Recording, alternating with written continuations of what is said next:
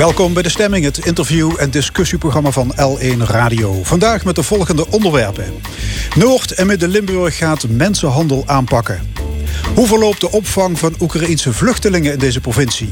En onze cultuuranalist Cyril Offermans die ging kijken in het Discovery Museum in Kerkrade.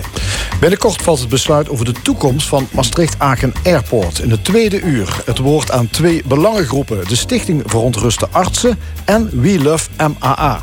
En verder een column van Nina Bokke en het panel met Monique Quint, Jan de Wil en Karel Leunissen discussieert over de uitbreiding van de NAVO en andere actuele zaken. Tot één uur is dit De Stemming. Sinds de invasie van de Russen zijn 6 miljoen Oekraïners gevlucht. 2000 van hen zijn ondergebracht in Limburg. Maar we zijn verplicht om 4000 mensen onderdak te bieden. Maar dat schiet niet echt op. Zijn er nog scholen, hotels, kloosters en kantoren beschikbaar? Moeten burgemeesters meer bevoegdheden krijgen, bijvoorbeeld om leegstaande panden te vorderen? We gaan erover praten met Remo Vlekken, burgemeester van Weerts, en ook met advocaat Roland Mans.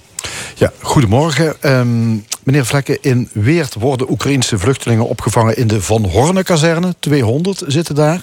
Um, hoe verloopt dat eigenlijk? Um, dat verloopt hartstikke goed.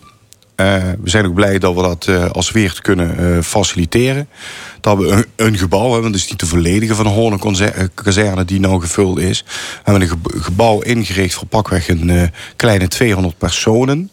Waarbij wij kwaliteit voorop hebben gesteld boven kwantiteit. En dat wil dus zeggen um, dat wij gekeken hebben naar de beelden uit de Oekraïne. Waar je dus eigenlijk zag dat gezinnen zonder vader vaak, want die bleef dan achter om te vechten, dat die dus wegtrokken en die zijn dan richting Polen, Duitsland, uh, richting Nederland gekomen. Daar hebben wij specifiek onze aandacht uh, ook op gericht. Zijn en zo vrouwen, zijn de kinderen, ja, opa's, oma's. oma's. Zo moet je dat zien. Ja. Klopt. Hebben ze eigenlijk iets om handen? Of zitten ze daar een beetje te verpieteren in die kazerne? Nou, ze zijn niet te verpieteren. Ik moet u wel aangeven, het Oekraïense volk kenmerkt zich door mensen die toch ook willen aanpakken, willen werken, willen een, een steentje bijdragen aan de maatschappij Dat voel je, dat proef je, dat zit in hun genen, dat zit in hun cultuur. Um, ze, ze, krijgen ook voldoende bezigheden uh, uh, aangeboden. Uh, wij werken daar samen met onze welzijnsorganisatie Punt Welzijn. Die pakt dat ook op intern. We hebben ook intern vanuit de gemeente een beheerder aangesteld die daar dagelijks zich bevindt. Zo de, uh, ook te, te, te, luisteren en te horen. Maar gaan die mensen gaan ze ook werken? Of wat, uh... Ze kunnen en mogen werken. Ja. Ze zijn uh, niet verplicht om allerlei vergunningen aan te vragen. en heel, heel, veel fasen door doorlopen. Nee, zij mogen werken in Nederland. En ze hebben een andere status dan andere vluchtelingen. Precies, ja. dat is, dat, dat, juist. En dat doen ze ook werken? Dat, um, men probeert ook werk te vinden. En er is ook aanbod wij, wij, hebben wel een stukje zorg om ons genomen om te filteren of de aanbieders ook uh, in dat opzicht, uh, uh, laat ik zeggen, ordentelijke arbeidsvoorwaarden en, en dat soort zaken aanbieden. Ja. Bij u in Weer dus een kazerne, een deel van een kazerne, waar 200 Oekraïnse vluchtelingen zijn ondergebracht. In Limburg zie her en der leegstaande kloosters, kantoren, scholen, sporthallen. Van alles zijn, is veranderd in opvanglocaties voor Oekraïnse vluchtelingen.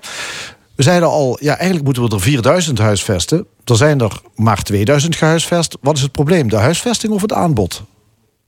Op dit moment zien wij uh, uh, uh, dat we moeten blijven zoeken naar huisvestingsmogelijkheden. Heeft ook soms te maken met een stukje doorlooptijd voordat iets gerealiseerd kan worden. En ook de statuur kan hebben van opvang. Ik, ik kan genoeg gebouwen wel bedenken waar je naar binnen kunt. Maar dat wil nog niet zeggen dat we het dan ook gefaciliteerd hebben dienende voor die opvang. het tweede element is wel dat we zeker de laatste weken zien en constateren dat de toeloop van Oekraïners wel wat af aan het nemen is. En dat betekent dat we daar ook uh, uh, in ieder geval uh, ook naar moeten kijken hoe we daarmee omgaan. Want je hoort het ook, je, je, las ook in de krantenberichten, Duitsland zie je mensen terugkeren. Je ziet vanuit Polen mensen weer terugkeren. En dat, is ook, dat zit ook een beetje in in, laat ik zo zeggen, in hun attitude. Op het moment dat zij terug kunnen gaan, gaan zij ook terug. Want dat is hun vaderland. Ja.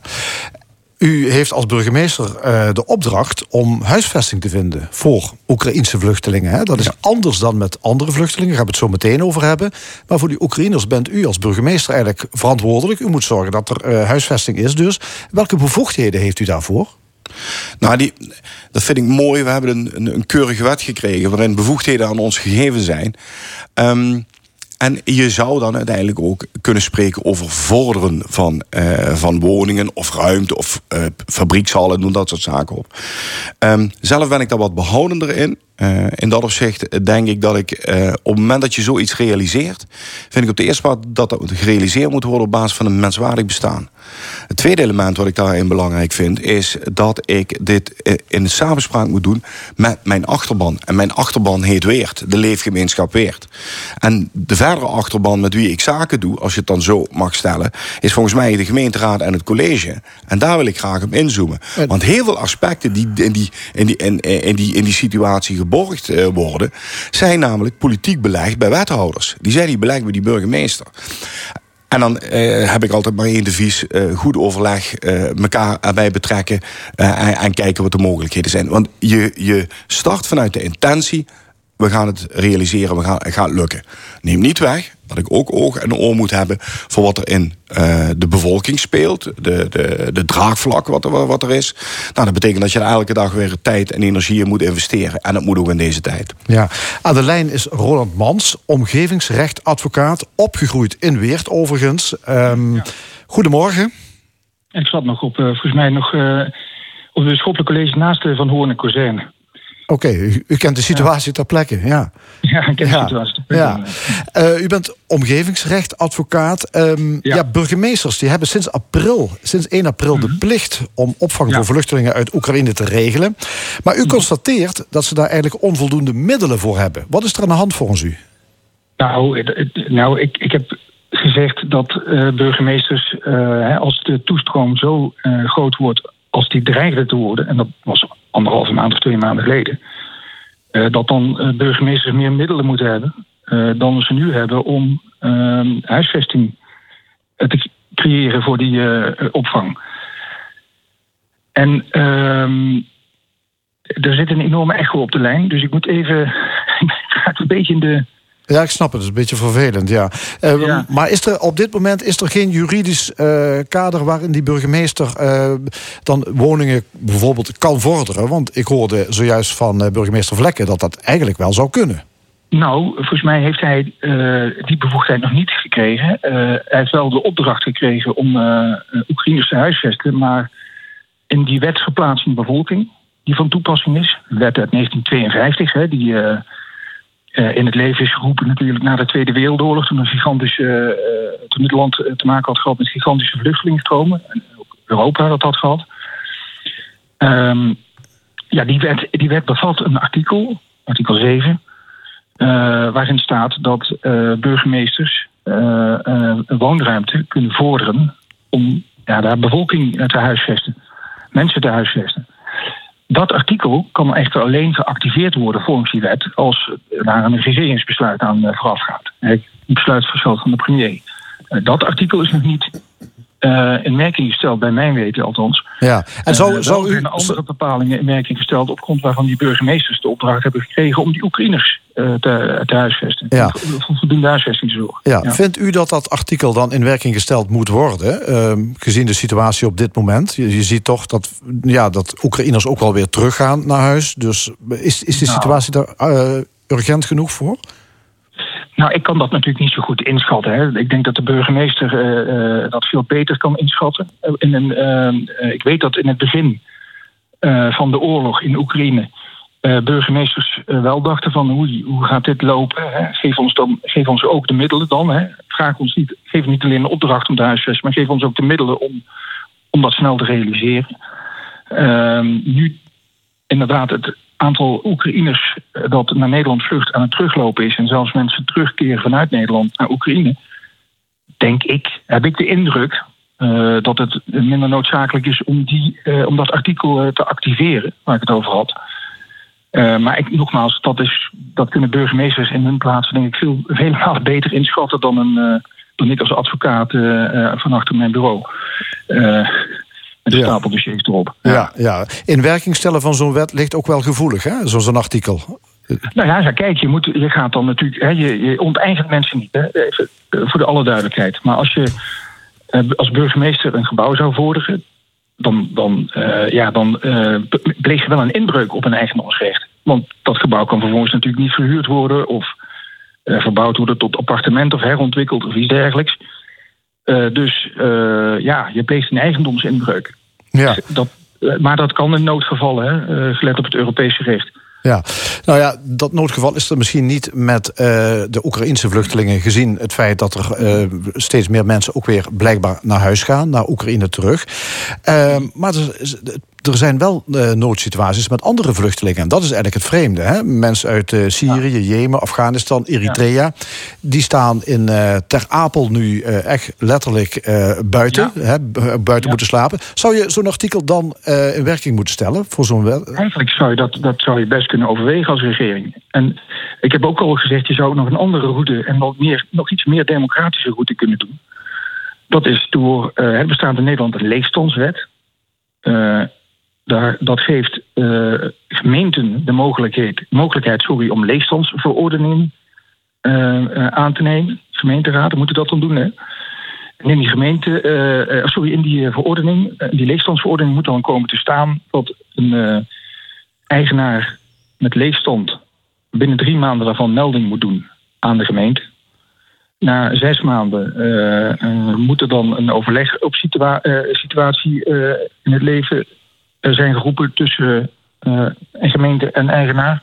En als dat niks oplevert, dan kan de gemeente na twaalf maanden uh, gewoon het pand aanwijzen. Uh, sorry, een gebruiker voor het pand aanwijzen dat leeg ja. Oké, uh, burgemeester Raymond Vlekken van Weert. Zou u daar voorstander van zijn. Want ja, we zien allemaal de beelden in Ter Apel wat er gebeurt. Hè. Is natuurlijk uh, ja, schijnend. Hè. Mensen zelfs buiten hebben moeten slapen. Zou u er voorstander van zijn om meer bevoegdheden te krijgen... om inderdaad panden in uw gemeente aan te kunnen wijzen... om ze ja, tijdelijk te kunnen gaan gebruiken? Ja, ik denk dat dat per gemeente afhangt. ik zou er geen, zelf niet zo'n groot voorstander van zijn. Ehm, want dat betekent dat ik uh, ten opzichte van de leefgemeenschap die Weert heet, mij uh, heel stevig moet opstellen en gewoon mijn, mijn, de zin moet doorduwen. En het moet een samenspel zijn tussen draagvlak en ook het gemeentelijke bestuur. Want ik hoorde net van de, de, dat ik nog niet kon vorderen, dat klopt. Maar dat is dan weer. Ik heb hetzelfde beroep gedaan als de, meneer die nu aan de lijn is. Kijk, ik probeer wel altijd dan, als je me iets geeft, eh, te kijken of ik uh, ergens iets vind om uh, in ieder geval tegen die grens aan te schuren om mijn doel te bereiken. Maar wat ik veel belangrijker vind, is dat ik denk dat dit alleen maar mogelijk is als het samenspel ook binnen gemeenteraad, college en burgemeester goed op orde is. En zo'n leegstandsverordening duurt wel even twaalf maanden. En die tijd heb ik dan niet in het kader van die opvang. Dus denk ik dat er misschien ook andere mogelijkheden zijn. Dan zou je nog denken aan verordeningen, noodverordeningen die een burgemeester kan vaststellen. Ja, zijn die nodig als je kijkt naar de situatie op dit moment met uh, ja, toch gewoon gebrek aan plaats voor vluchtelingen? Kijk, als ik naar mijn collega uit Ter Apel en die, die ik ook zelf heb horen vertellen hierover, ja, dan, dat, dat is zo schrijnend. Daar moeten we om humanitaire redenen eh, in acteren. Alleen uh, hoor je dan ook heel vaak dat uh, in dat opzicht de, het, uh, ja, de rek eruit is, omdat de plekken die we hebben, hebben we reeds ingezet. Dat is, dat is vol.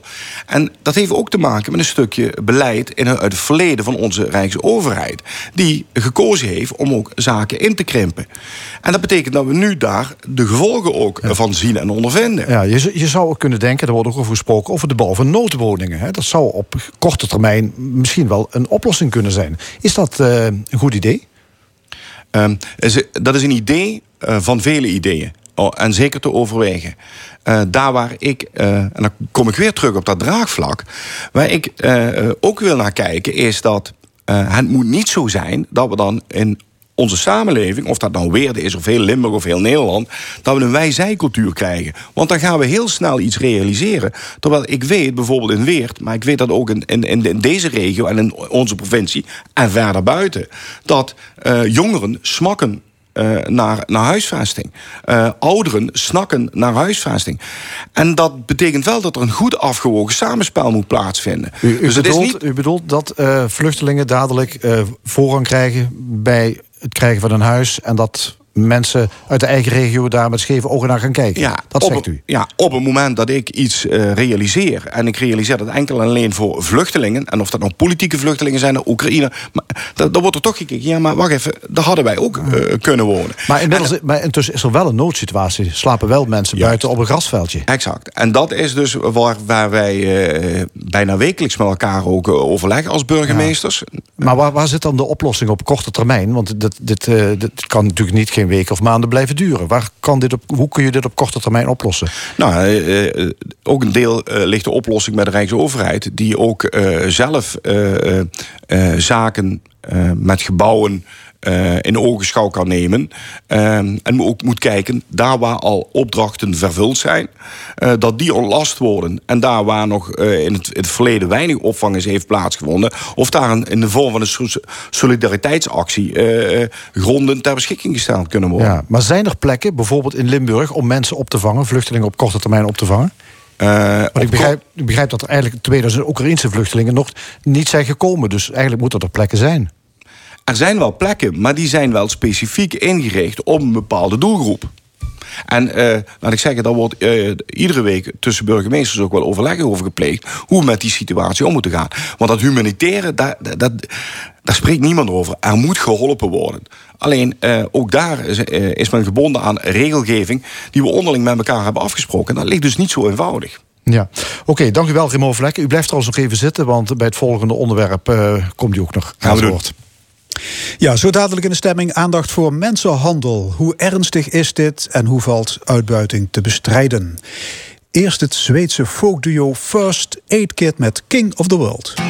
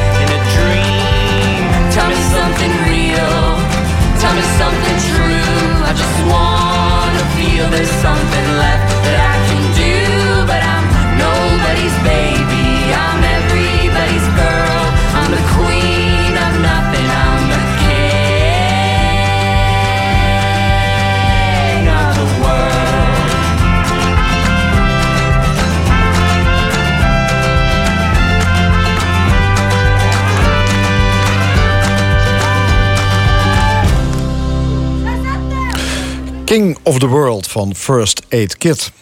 Noord- en Midden-Limburg gaat de mensenhandel aanpakken. Dat is namelijk een hardnekkig probleem dat tot schrijnende situaties leidt en veel leed veroorzaakt. En daarom hebben de gezamenlijke gemeenten een plan van aanpak gepresenteerd met als doel een regio zonder uitbuiting. En de Open Universiteit houdt komende week een internationaal congres over mensenhandel en seksuele uitbuiting. Genoeg aanleiding dus om het daarover te hebben. Aan tafel bij ons Marijke Mals. Ze is hoogleraar rechtswetenschappen aan de Open Universiteit. Laurens Bollen, schrijver van een boek over uitbuiting. En, u hoorde hem net al, Remo Vlekken, burgemeester van Weert. Ja, welkom alle drie. Mevrouw Mals, om met u te beginnen. Wat is mensenhandel? Wat moeten we daaronder verstaan? De kern van mensenhandel is uitbuiting. En als je dan hebt over de seksindustrie, dan denk je bijvoorbeeld aan de situatie dat iemand uit Oost-Europa of een ander uh, gebied in de wereld naar Nederland wordt gehaald of gelokt. Uh, en daar te werk wordt gesteld in de seksindustrie, bijvoorbeeld achter de ramen in Amsterdam of op een uh, privéadres. En het kan dan, gaat dan bijvoorbeeld gepaard met het innemen van een paspoort, um, te, telefoon afpakken en dat soort dingen. Om maar te zorgen dat iemand niet weg kan en doorgaat met het werk. Meneer Vlekken, welke vormen van mensenhandel zijn er nog meer? Ja, andere sectoren, dan moet u dus denken aan uh, transportsector. U moet denken aan landbouw en tuinbouw. U moet ook denken aan logistiek, arbeidsuitbuiting. En, maar ook vind ik dat de criminele uh, uitbuiting onder mensenhandel valt. Bijvoorbeeld ouders die hun kinderen strafbare feiten laten doen plegen. En de laatste vorm van uh, mensenhandel is wat mij betreft ook uh, gedwongen orgaanverwijdering. Ja, en het is geen verven mijn bedshow. Ik lees in het rapport dat het zich allemaal afspeelt pal voor onze ogen. Ja, en uh, dat, uh, dat is iets wat uh, in ieder geval bij de landelijke overheid... maar ook bij de provinciale en gemeentelijke overheden... heeft geleid tot een afspraken tot verdere aanpak. En ik ben in die hoedanigheid voor Limburg te vertegenwoordigen... in de landelijke regietafel. Ja, goed, laten we die, die categorieën even doornemen. Om te beginnen arbeidsuitbuiting. Ja, dan moet ik denken aan migranten die werken in de tuinbouw en in de logistiek. Ja. Lange werktijden, Exact. Zwaar onderbetaald. Zwaar onderbetaald. Slechte huisvesting. U noemde het op. Ja. En dat soort zaken, uh, die, die, die, die, die komen altijd, al, altijd eruit als, het, als het te laat is. Als, als we dus uh, opgeroepen worden, politie komt erbij, er is een brand geweest, noem dat soort zaken op. En we willen graag in die voorkant zitten. Dat betekent dat wij de handen ineen moeten slaan, waarin wij veel meer met onze ketenpartners signalen vooral oppakken en signalen in, in, in een integrale aanpak. Ja, oké, okay, dan heeft u over de aanpak, daar kom ik zo ja. meteen op. U noemde ook de criminele uitbuiting. Ja. En dan bedoelt u bijvoorbeeld jongeren die door hun ouders of door anderen worden gedwongen om exact. bijvoorbeeld drugs te smokkelen, diefstal te plegen, ja. dat werk? Kinderen die gewoon worden ingezet uh, ten gunste van, laat ik zeggen, het winstbejag, wat bij ouders of bij familie uh, ontstaat. En daardoor gedwongen worden strafbare feiten te plegen. En als je er eenmaal in zit, kom je er niet meer uit? Heel veel komen er niet uit. Ik heb uh, in, mijn, in mijn tijd dat ik nog advocaat was, uh, heb ik kinderstrafzaken gedaan. En daar heb ik toch al schijnende gevallen gezien hoor. En dan uitbuiting nummer drie, prostitutie. Mevrouw Mals, u noemde dat al. Hè. U doet veel onderzoek naar prostitutie. Ja, is dit een haard van uitbuiting? De seksindustrie. Nou, hoe groot die uitbuiting is, dat weten we eigenlijk niet, omdat het meestal toch onzichtbaar is. Maar dat het voorkomt, dat is heel erg duidelijk. Dus ruim twintig uh, jaar geleden zijn bepaalde vormen van pooierschap, het houden van clubs en bordelen, is toen legaal geworden. En het idee was toen, nu gaan de vrouwen voor zichzelf werken. En uh, ze hebben niet meer een ja, man nodig. Nou, ja, dat en, bedoel ik ook om het uit de criminele sfeer te halen, die ja, hele branche. dat was dat toen het dus, hele idee. ja. Alleen toen bleek na verloop van tijd dat het gewoon doorging. Dus, Dus, dat dat is nog totaal mislukt. Die Uh, legalisatie nou, er is een groep de... die het wel uh, redt en die, zich, uh, wel, die er ook uit kan stappen en stoppen als ze er geen zin meer in hebben. Maar er is toch een behoorlijk groot deel dat, uh, dat echt slachtoffer is van uitbuiting en niet zo makkelijk kan stoppen. En hoe komen vrouwen en in mindere mate mannen in die, in die situatie terecht?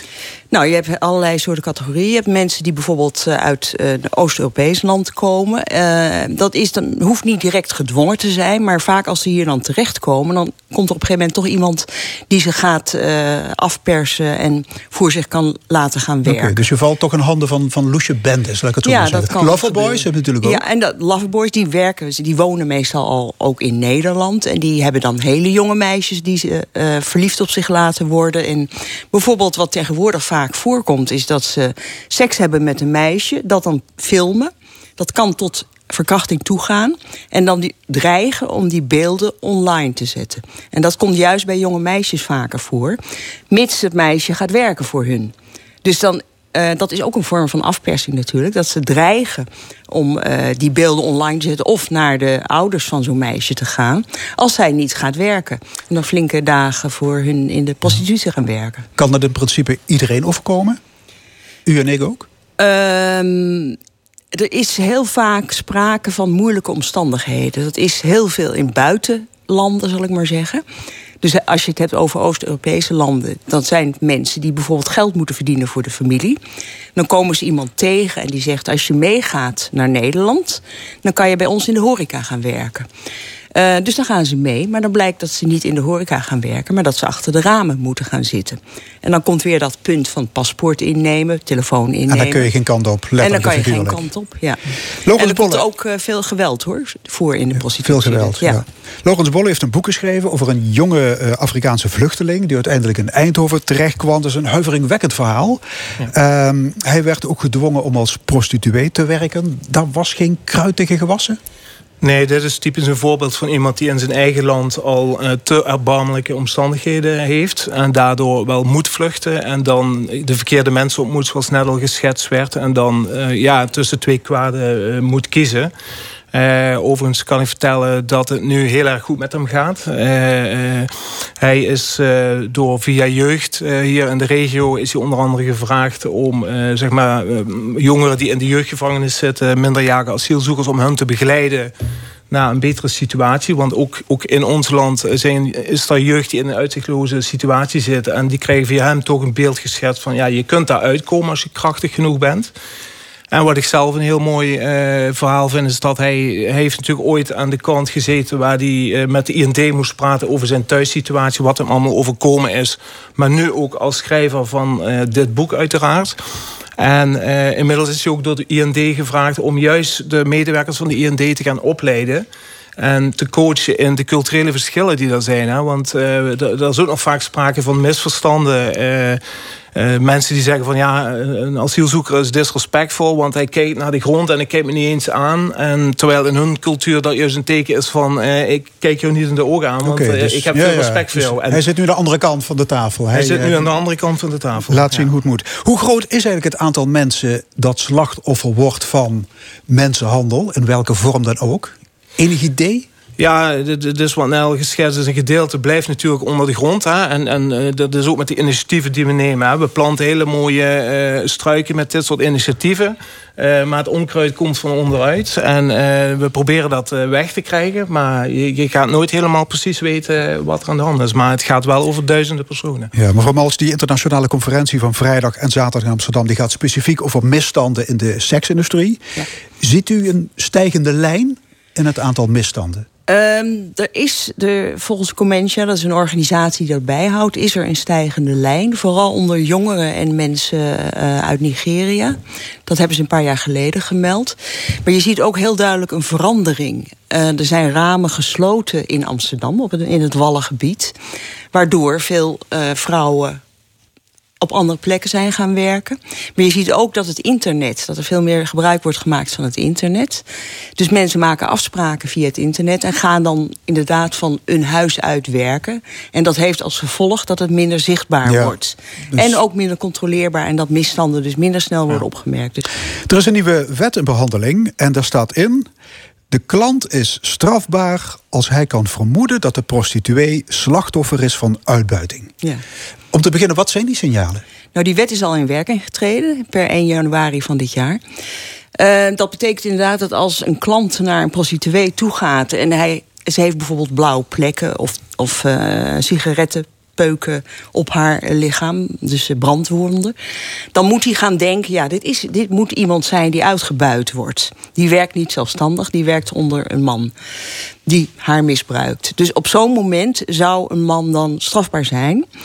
Uh, alleen er wordt nogal gelachen om deze wet je hebt bijvoorbeeld in Zweden, daar is de man per definitie strafbaar. Elke man die een prostituee bezoekt is Mhm. strafbaar. Mensen in Zweden, heb ik van de politie hier gehoord, die zeggen, die lachen om deze wet.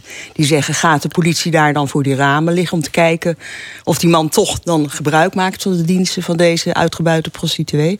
Dus eh, dat is ja, niet... want het probleem is, hoe kan nou het OM bewijzen dat de klant had kunnen weten dat die prostituee gedwongen werd? dat is toch bijna niet, dat is bijna niet te doen, hè? Nee. Dus die wet heeft een hoge symbolische waarde. Nou ja, daar kan je verschillend over denken. Een van de positieve dingen is dat die wet uitstraalt van ja, hoor eens even, klant, jij bent ook verantwoordelijk. Je bent ook verantwoordelijk als dit een uitgebuite prostituee is. Dus dan zendt die wet dat signaal uit. Dat, eh, het is niet Ja, goed dat je dat Maar dat is ook doet. niet meer dan een signaal. Dat is ook niet meer dan een signaal. Want de anonimiteit, de, de, de, de personen die gaan, die zoeken vaak die anonimiteit op. Dus als je al anoniem wil blijven, ga je er volgens mij niet direct dan denken van wat ik nu constateer. Het, het is meer ethische waarde van, van de persoon zelf. En eh, ik denk dat we daar ook veel meer naar moeten kijken. Wat je zelf als persoon op dat moment vindt wat je moet doen. En dat is meer een stimulering dan. Maar inderdaad, eh, ik zie niet, eh, en zeker met de schaarste die we hebben onder de politie, dat daar eh, agenten in, in auto's gaan zitten om te kijken wat er gebeurt. Dat zie ik echt niet gebeuren. Ja, als, ik- je het, wacht, even, als je het hoerenlopen aan zich strafbaar stelt, hè, zoals in Zweden, Ja. dat brengt natuurlijk de seksindustrie een gevoelige klap toe. Ja, eh, daar zijn verschillende onderzoeken naar gedaan. Er zijn onderzoeken die inderdaad hebben laten zien dat er minder vraag zou zijn. Dus dat er minder prostitutie is. Maar dat onderzoek is ook weer aangevallen door andere hoeken. Dus eh, eh, de laatste discussie is daar nog niet over gevoerd. En zou je Maar, dat in Nederland rondkrijgen, zo'n wetsartikel? eh, dat denk ik eigenlijk niet. Het, Loris Bolle? Nee, ik wilde nog even aansluiten dat ik inderdaad denk dat die ethiek, die moraliteit, dat we daar ook veel meer in moeten investeren om die voorbeelden duidelijk te maken. Dat we niet alleen, eh, ja, het is goed dat we eh, die wetten aanpassen, dat we dat goed op papier zetten, een goede structuur neerzetten. Maar je moet ook investeren in de situaties, hè, dat, dat bijvoorbeeld in een asielzoekerscentra eh, mensen niet mogen werken, niet bij een sportclub aanwezig kunnen zijn. Ja, dan komen ze in een situatie waarin je hun tot, tot verkeerd gedrag beweegt. En, Ja. Ja, dat Goed, we je- komen dan in de richting van de, van de oplossingen, zeg maar. Ja. Meneer Vlekken, in dat rapport van u naar een regio zonder uitbuiting wordt gepleit, u zei het al, voor een integrale aanpak. Dus Jan en Alleman moet de handen uit de mouwen steken. Dus eh, scholen, welzijnswerk, woningcoöperaties. Intern bij de gemeente ook. Want de ene afdeling kan eh, zaken eh, een, een signaal opvangen. wat bijvoorbeeld bij de behandelaars niet bekend is. Dus dat betekent dat, en dat is ook de reden waarom gemeenten gekozen hebben voor een aandachtsfunctionaris. Elke gemeente heeft nu een aandachtsfunctionaris. die zorgt dat al die geluiden bij elkaar komen. en dat signaal gewogen wordt. of er een verdere stap eh, in gemaakt moet worden. Ja, maar is het al met al, meneer Vlekken, niet allemaal veel te soft? Ik bedoel, een, een aandachtsfunctionaris, mensenhandel. Ik, ik, ik ben altijd Snapt u wat ik bedoel? Ja, ik, ik moet snap je, wat u moet je niet maar- meer repressie, hardere straffen? Nou, die werkt. straffen, daar gaat de overheid niet over. Daar hebben we volgens mij een hele ander instituut voor ingericht. Maar wat ik veel belangrijker vind, is dat de stap die nu gezet is, daarmee ook naar, naar een regio zonder uitbuiting. Dat is namelijk dat je dat toch eh, gefaseerd moet aanpakken omdat namelijk als iedereen zijn eigen gangetje eh, weer gaat, dat hebben we gezien, dat levert geen oplossing op. Dus wat we nu het eerste gaan doen, is te zorgen dat we een structuur opbouwen waarin we één centraal punt hebben. En vervolgens is het van belang, en dat Misschien is dat in het verleden ook veel te weinig gedaan. eh, dat je ook kijkt naar je ketenpartners. Want diezelfde ketenpartners, welzijnsinstellingen, eh, noem maar op.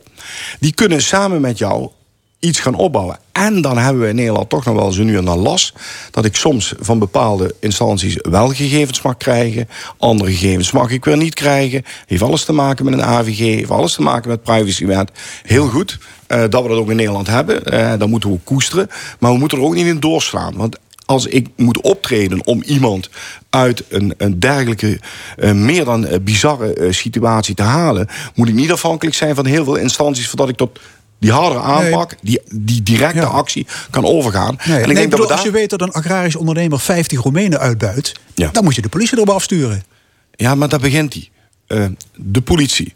Hoort dat bij de politie thuis? Nee, daar hebben ze een aparte afdeling voor.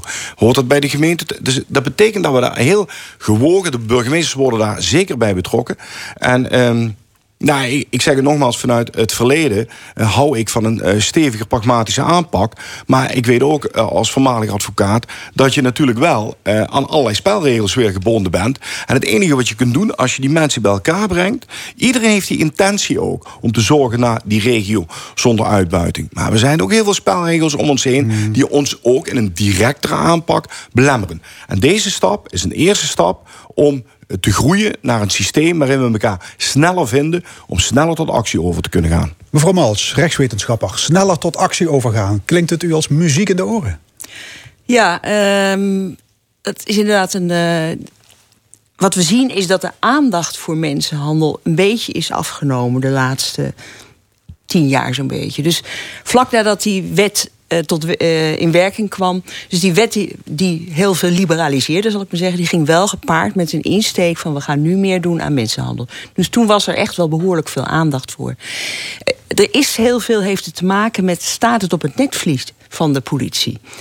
Um, gaan we inderdaad, als er signalen zijn, gaan we daar ook echt iets mee doen? Of laten we het maar een beetje gaan? Dus, en het algemene commentaar is, nu meer aandacht voor mensensmokkel en voor terrorisme dan voor mensenhandel.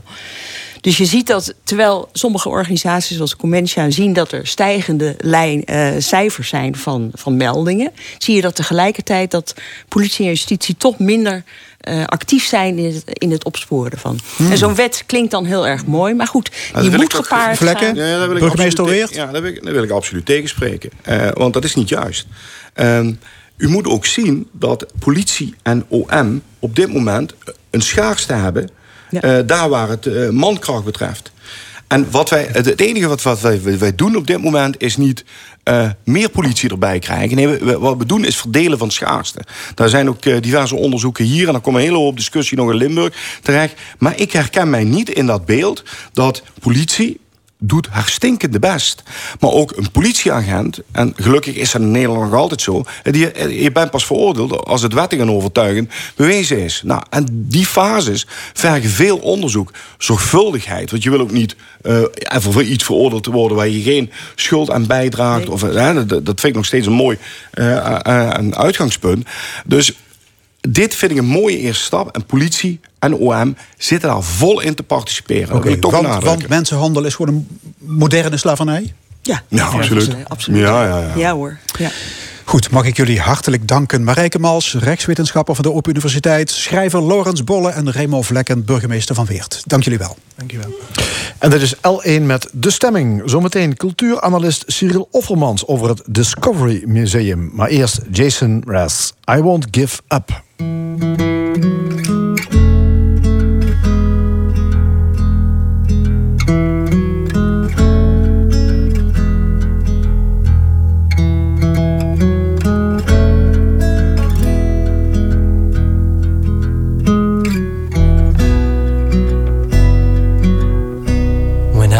Look into your eyes, it's like watching the night sky or a beautiful sunrise. Well, there's so much they hold, and just like them old stars, I see that you've come so far to be right where you are. How old is your soul? Well, I won't give up on us, even if the skies get rough. I'm giving you all my love. I'm still looking up. When you're needing your space to do some navigating. I'll be here patiently waiting to see what you find. Even the stars, they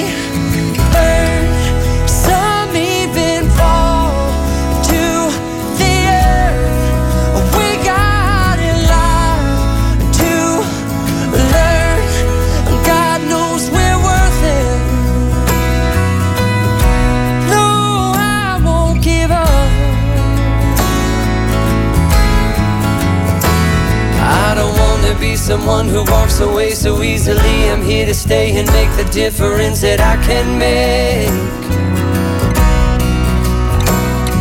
Our differences, they do a lot to teach us how to use the tools and gifts we got here. We got a lot at stake. And in the end, you're still my friend. At least we did intend for us to work. We didn't break, we didn't burn. We had to learn how to bend without the world caving in. I had to learn what I got and what I'm not, and who I am.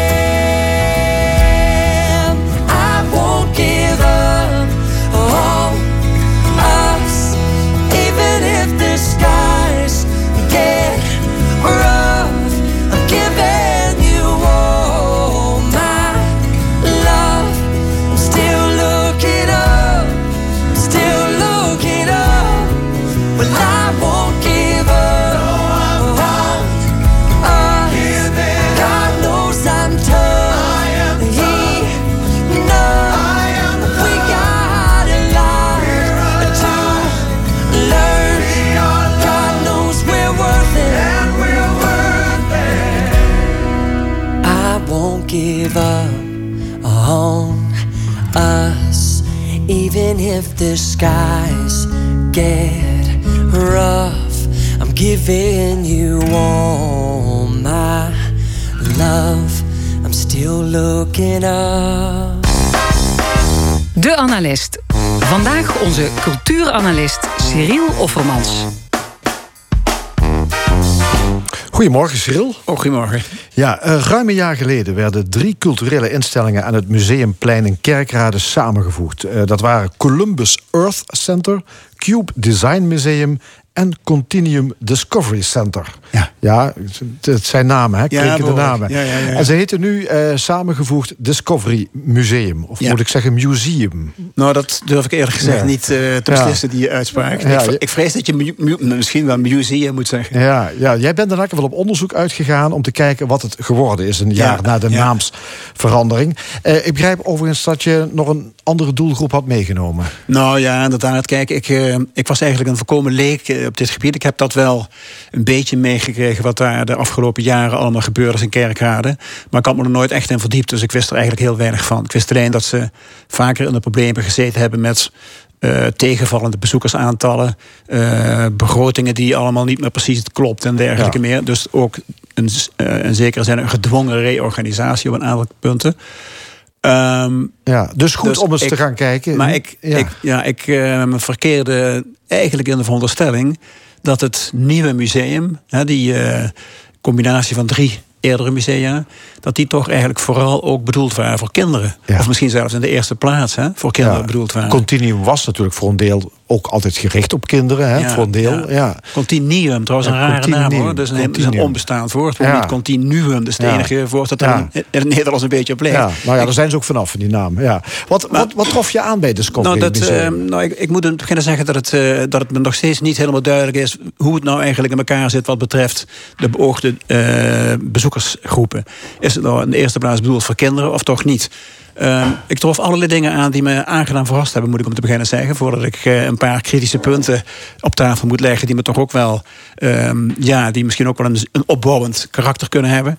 Want ehm, je moest om te beginnen een beetje zelf maar zien waar je heen ging. Eh, er, er is niet een duidelijke routing. Ehm, er, wordt, er staan misschien wel allerlei pijlen en allerlei wegwijzers van hier vind je dit en daar vind je dat. Maar als je dat niet al van tevoren bestudeerd hebt, heb je geen idee waar je heen moet. Je loopt een beetje verloren Je rond loopt aan een beetje verloren. Dus je kunt zeggen dat het woord discovery om te beginnen af en toepassing is. Als we het zo bedacht hebben, dan eh, ja, klopt Op het. wat je maar moet ontdekken Ja. waar je heen moet. Maar goed, eh, wij dachten, we zagen ergens het woord schatkamer. Dat sprak mij wel aan, dus daar gingen we maar eens om, te beginnen naartoe. Eh, dat bleek inderdaad een schatkamer. Eh, waar je eh, prachtige oude eh, machines, stoommachines uit de 19e eeuw zag. Gigantische apparaten, motoren van je welste. Iets verderop zag je ook eh, Limburgs erf- erfgoed.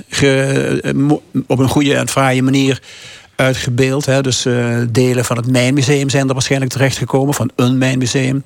Een flinke voorraad porselein, aardewerk en dergelijke van de Sphinxfabrieken. Ook allemaal heel erg mooi. Maar, en dan kom ik toch op een punt waar ik dan zojuist al een beetje mijn twijfel over uitsprak. Die schatkamer had niet, op geen enkele manier zelfs, een interactief karakter. waarmee net heel uitdrukkelijk reclame wordt gemaakt. Als je daar met kinderen heen loopt, dus dat je eerste punt van uh, aandacht is, zoals in ons geval, we hadden kinderen bij ons. Uh, dan merk je al heel snel dat die eigenlijk snel erdoor, erdoor willen rennen. Want die interesseert dat geen lor wat die daar zien. Uh, om dat een beetje interessant te vinden, moet je om te beginnen al iets weten. Je, moet, je moet toch een klein beetje weten van de geschiedenis van de industrialisatie in Nederland. Zo niet, dan moet je al die teksten die daar wel bij horen, en die ook, wat mij betreft, best goede teksten zijn, maar die moet je wel allemaal lezen. En ongeduldige kinderen die beloofd, die zijn dat ze interactief te werk kunnen gaan, die hebben daar geen boodschap aan. Dus die rennen verder. Dus, die, dus de schatkamer eh, was voor ons dan meteen, stelde ons dan meteen voor het probleem: wat moeten we? Moeten we de kinderen uh, dekselen en dwingen te blijven kijken? Nou, dat zijn ze al zo vaak gewend bij, het, bij museumbezoek. Dat wilden ze niet aandoen. Uh, dus we volgden maar liever hun tempo en liepen ook sneller dan we als we alleen zouden zijn geweest, als volwassenen uh, gedaan zouden hebben, liepen we door die schatkamers heen. Niettemin, die schatkamers zijn wel heel fraai, maar nogmaals, eigenlijk alleen voor volwassenen. Dus op dat punt zat je al meteen met het probleem dat er toch iets niet deugt aan de formule op een of andere manier. Ja, en, dan, en je komt uiteindelijk wel bij delen van het museum terecht waar die interactiviteit wel uh, aanwezig is. Ja, nee, zeker. Die, die, daar kom je zeker bij terecht. En dat is dan, uh, die zijn er ook vooral voor kinderen. Maar het, mooi, ik zal één voorbeeld geven van iets wat zowel voor kinderen als ook voor ons, volwassenen zal ik maar zeggen, heel boeiend was. Dat was een. Een op gezette tijden plaatsvindende soort workshop, zal ik het maar noemen. Um, waarbij een uh, als bouwvakker van Monde medewerker van het museum, een, een vrouw, een medewerkster dus eigenlijk, um, in een zogenaamd schaftlokaal. een, een, een, ruimte die was omgedoopt tot schaftlokaal. Die daar een aantal principes van het bouwen uitlegde. Maar op een hele aanschouwelijke uh, manier. En, die, uh, en dat gebeurde werkelijk. Ik vond dat werkelijk heel goed gedaan door die vrouw. Die dat, uh, wat, mij betreft, een voorbeeldige docent aan natuurkunde zou zijn geweest. Als ze dat zou zijn. Misschien was het ook, was het ook wel. Um, die demonstreerde allerlei wetmatigheden die je ook op school leert in de natuurkundeles. Hè. Ik zal maar zeggen in welke mate het lichaam elektriciteit kan geleiden. Uh, het, het, het hefboomprincipe. En als je daar kleine kinderen bij betrekt, die, met, uh, die daar aan moeten meedoen, dan kun je de verbazing van hun gezicht lezen als bepaalde dingen blijken te kunnen, of juist niet blijken te kunnen. En dergelijke meer. Dus dat vond ik uh, een heel geslaagd onderdeel. Maar het is, ik weet niet of dat een vast onderdeel is ja. van het museum. Ja, ja dus dat, dat zijn twee kanten van dat museum die je, onder, die je ontmoet hebt.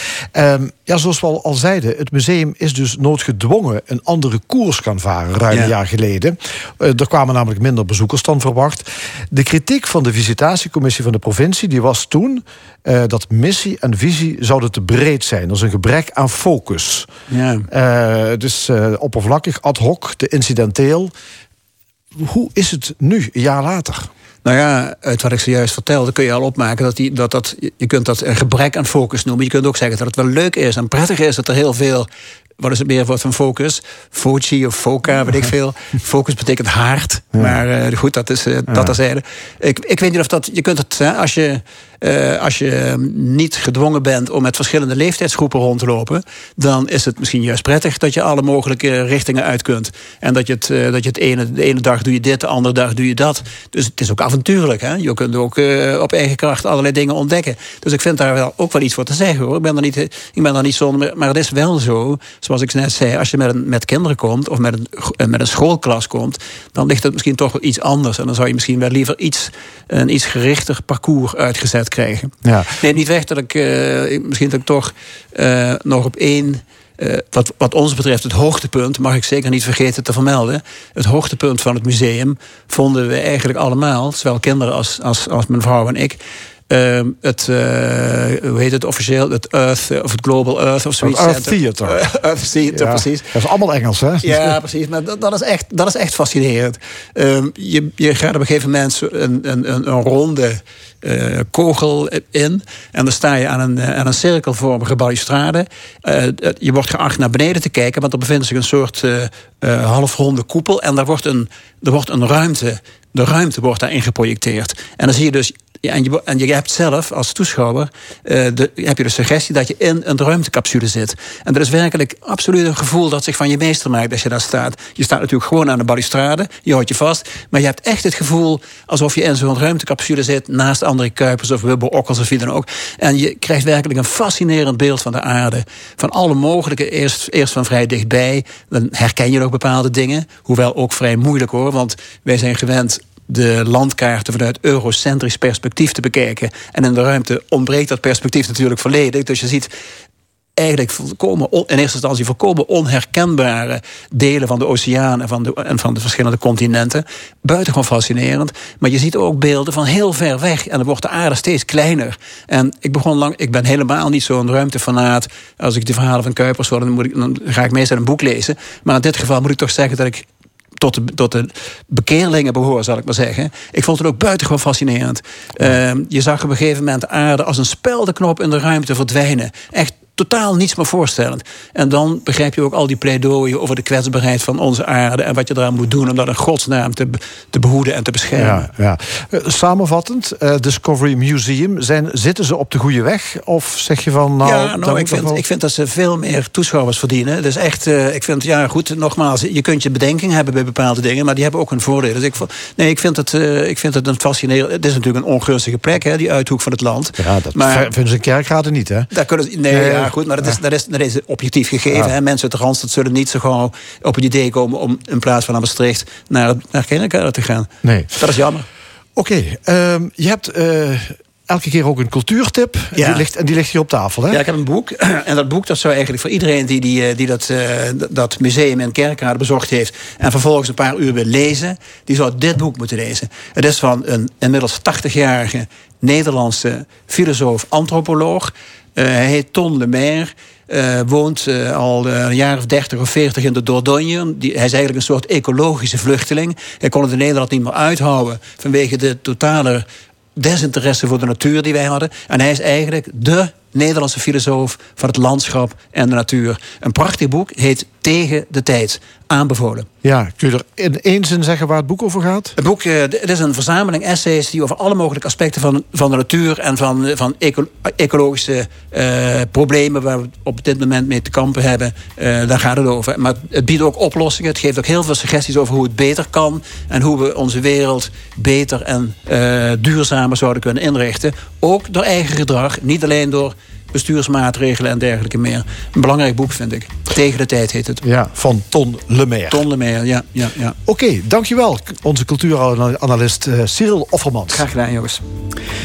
We maken plaats voor reclame en nieuws en zijn met de stemming over een aantal minuten bij u terug. Dan met voor- en tegenstanders van Maastricht Aachen Airport, de column, het discussiepanel over actuele zaken en nog veel meer. Blijf luisteren, tot zometeen.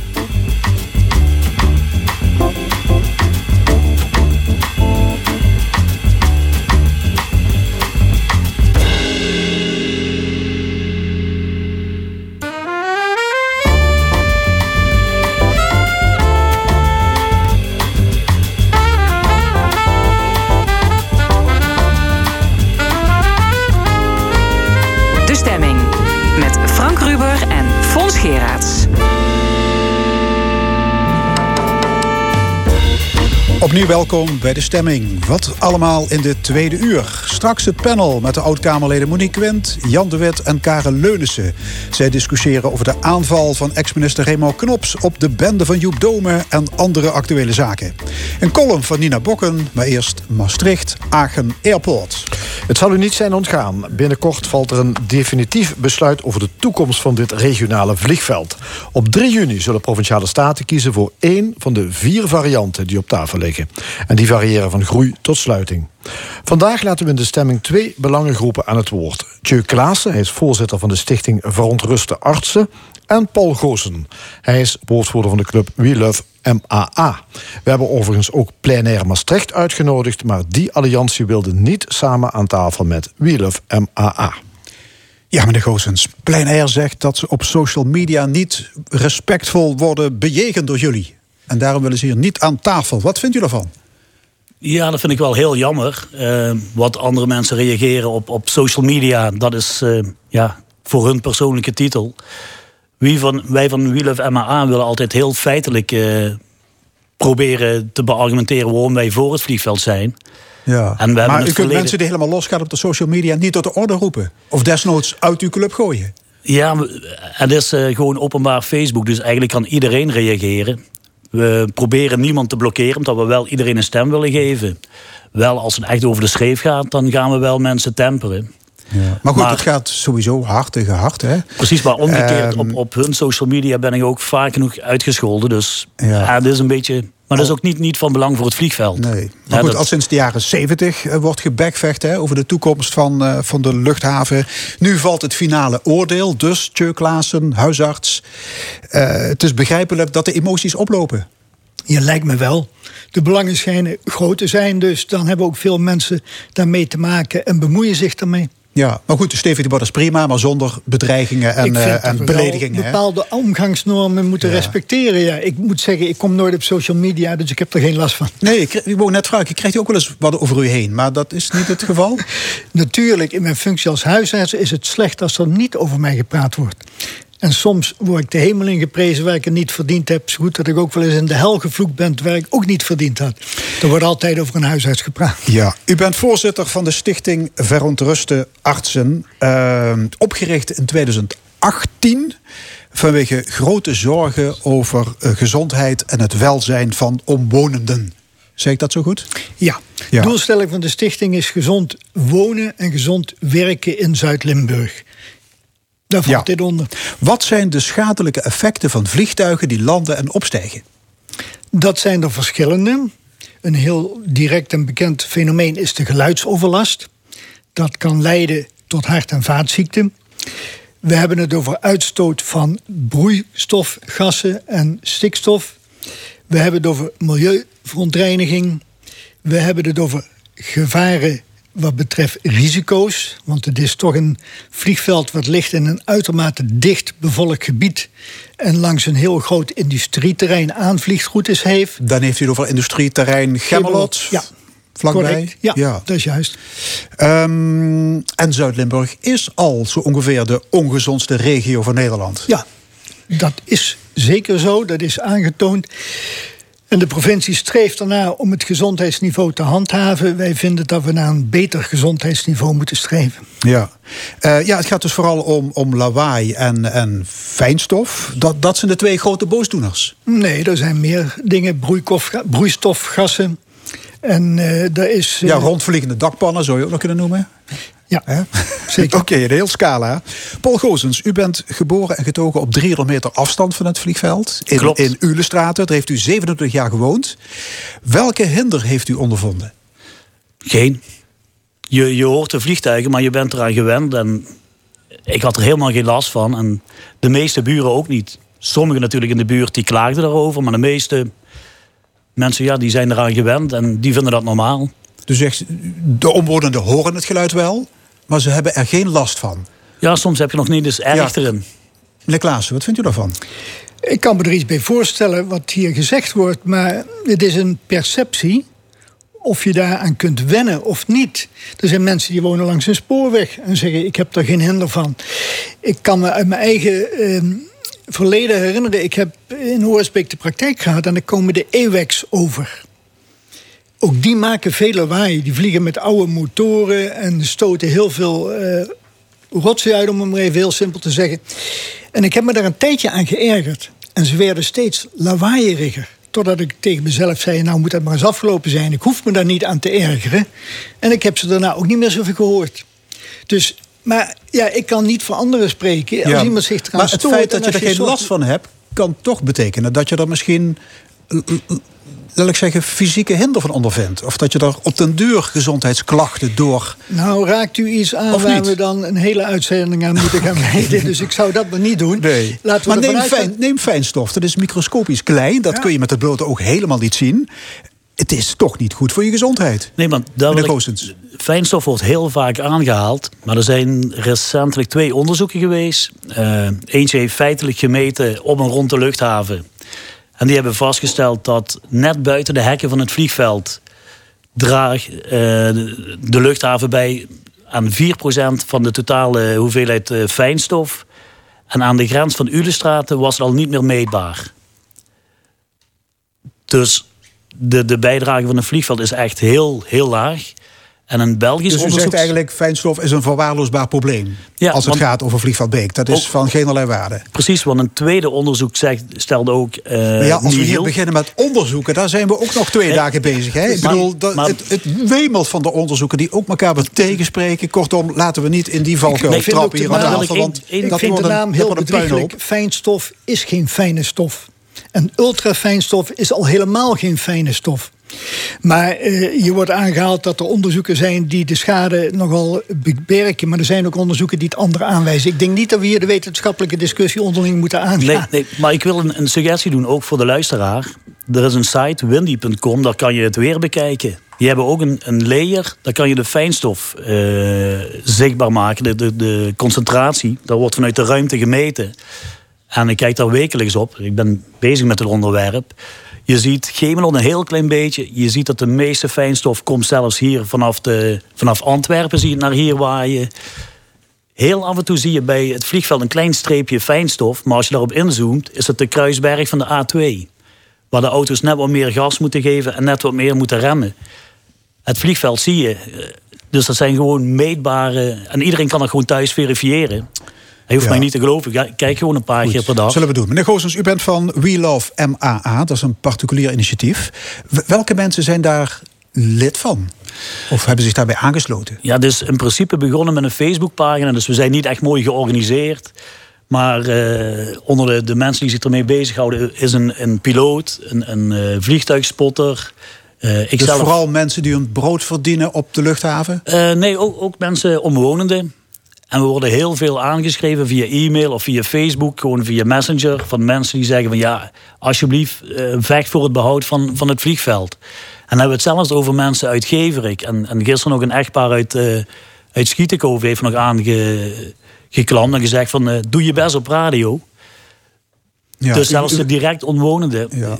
En zelf, u werkt zelf bij eh, Eurocontrole. Ja, staat Ja. helemaal los van het vliegveld. Maar- Vindt, ja, vindt u behoud van het vliegveld het allerbelangrijkste? Of zou het vliegveld ook moeten groeien? Met eh, personenvervoer en vrachtvervoer en noem maar op. Het is vooral het behoud. Eh, Groei, dat zou mooi zijn, want het moet wel natuurlijk economisch rendabel zijn en echt nut hebben. Heeft het nu ook al. Maar die groeiscenario's, je ziet ook, scenario 2 bijvoorbeeld stelt al, je mag alleen maar groeien als de hinder gelijk blijft. Dus alleen maar bij stillere vliegtuigen mogen er weer meer vliegbewegingen komen. En dan pakken ze het pijljaar 2019, meen ik. En het, de hinder moet onder het pijl blijven van 2019. En dat komt neer op 0,6. Ja, goed, maar, maar maak het Maar vooral niet te technisch. Wat Nee. vindt u van optie 3, de transformatie naar elektrisch vliegen? Nou ja, die is eigenlijk ja, overbodig zou ik zeggen. Want dat eh, eh, du- verduurzamen, dat, dat zit al ingebakken in de luchtvaart. De IATA heeft al gesteld, bij 2050 moeten alle luchtvaartmaatschappijen CO2-neutraal zijn.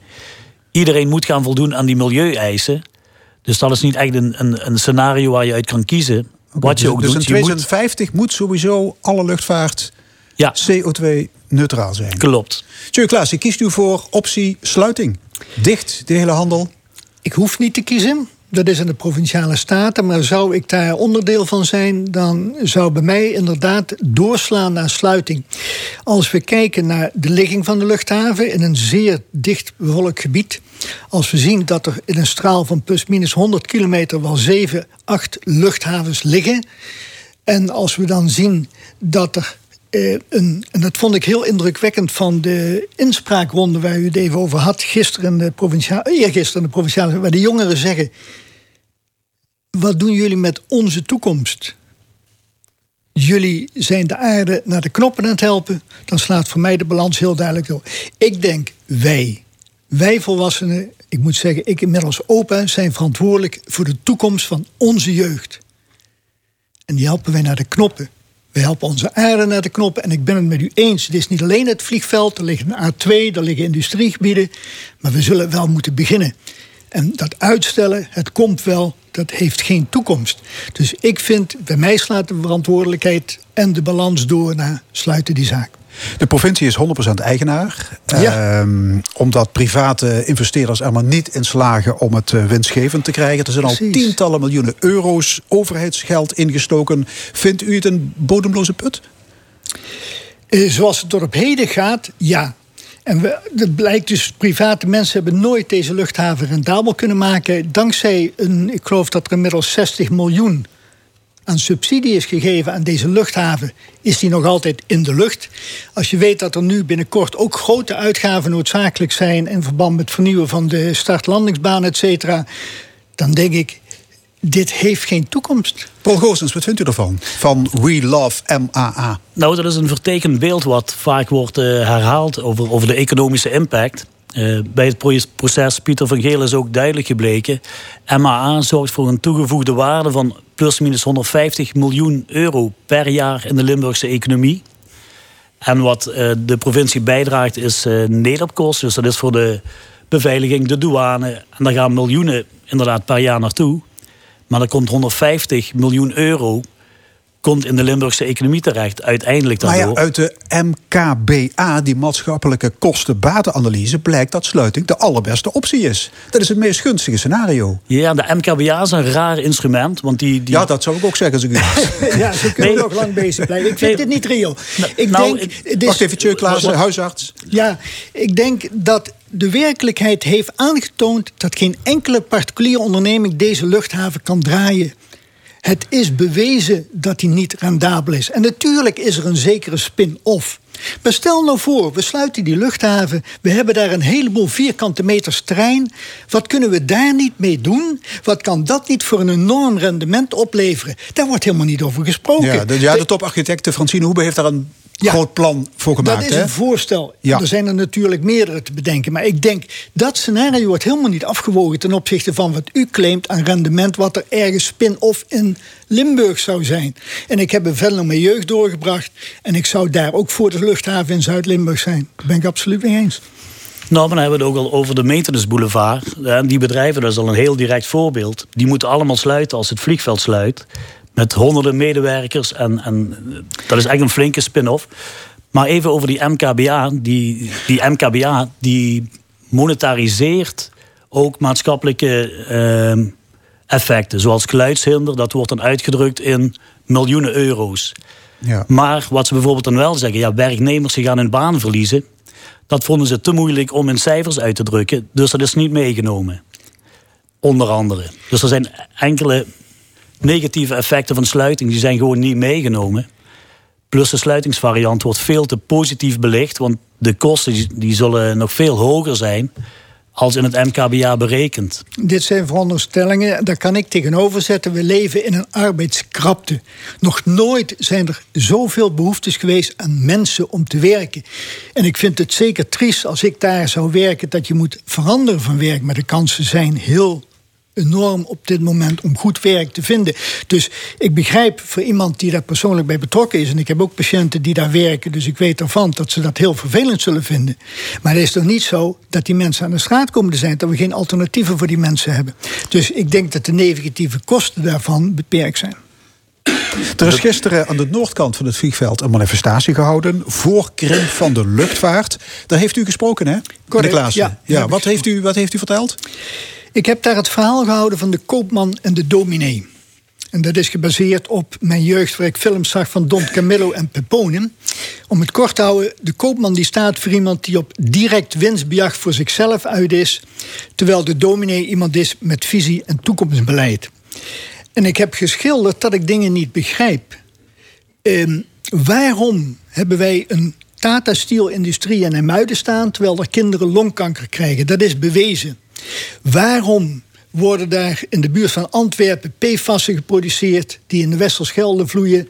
Waarom heeft de Nederlandse overheid een belang in de gokwereld... terwijl we met gokverslaving te maken hebben? En ik heb gezegd, hier wint telkens de koopman... De koopman wint omdat hij de lasten niet hoeft te dragen. En ik pleit voor de dominee dat we de visie hebben op de toekomst. Maar er zijn krachten die ik dus niet ken. Waarom dat de politiek Tata Steel nog open houdt. Waarom dat die luchthaven nog hier blijft. Ja, dat, dat zei u gisteren. Nog wel een cryptisch zinnetje. U zei letterlijk: Ik ben bang dat er nog andere belangen zijn. waar wij helemaal geen weet van hebben. er zijn andere krachten die bepalen wat er gebeurt dan alleen de inhoud. Wat bedoelt u precies?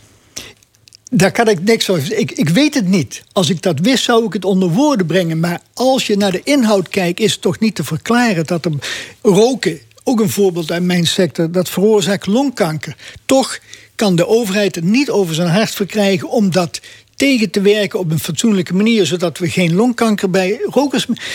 En zo, dat bedoel ik met die andere krachten die ik niet ken. Of het nou de lobbyisten zijn, of dat het de industrie is, of wie daar de vinger achter heeft. Ik kom er niet achter. Maar ik constateer dingen die ik absoluut niet kan verantwoorden naar mijn jeugd en mijn kinderen. En niet kan verklaren. En dat bedoel ik daarmee. U gebruikt ook het woord uh, prestigeobject in uw speech gisteren. Vindt u Maastricht Aangede Airport een prestige project? ik denk dat het iets is wat in de lucht wordt gehouden om andere reden dan uh, een zakelijk economisch belang, als ik het zo mag uitdrukken. Ja, Maar je kunt tegenwerpen, ging er net al eventjes over. Uh, daar zijn dadelijk 1850 mensen hun, hun baan kwijt. Ja. En als je je werk verliest, krijg je stress. Dat is ook niet bevorderlijk voor je geestelijk en lichamelijk welbevinden. Ben ik met u eens dat klopt. Maar het feit dat hij in de lucht blijft, kost ook stress en geestelijk onwelbevinden. Dus het is een afweging van. En ik zei toen net al, we leven in een tijd met een enorme krapte op de arbeidsmarkt. Dus die banenverlies, dat is ja. Maar ik denk dat we daar voor die mensen werk hebben. Ik ben bang dat ze allemaal een jaarcontract krijgen. En hun, hun vastigheid ook gaan verliezen. Dus dat, uh, ik zou er niet blij mee zijn. Ik verlies mijn baan er niet door. Maar nee, ik. spreek wel mensen die, die nou, weet daar heel bang voor zijn. een jaarcontract. Mijn kinderen hebben bijna niet anders dan jaarcontracten. Dat is tegenwoordig... Jobhoppen is modern. Goed, op vrijdag 3 juni nemen provinciale staten een besluit. Mag ik jullie hartelijk danken. Tjeu Klaassen van de Stichting Verontruste Artsen... en Paul Goossens van We Love MAA. Dank jullie wel. Graag gedaan. Bedankt. Satellites gone up to the skies. Things like that drive me out of my mind.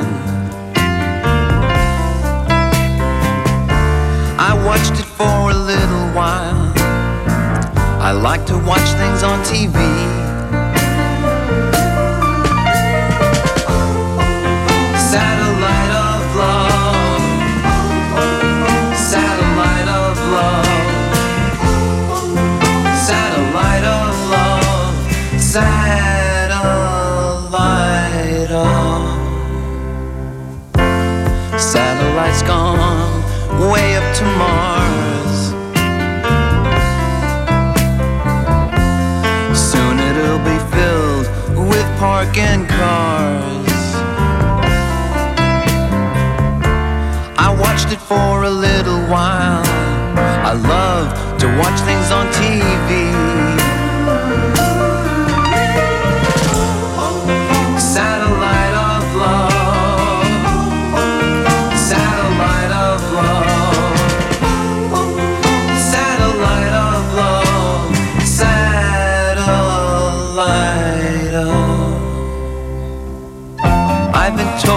That you've been bold with Harry, Mark, and John.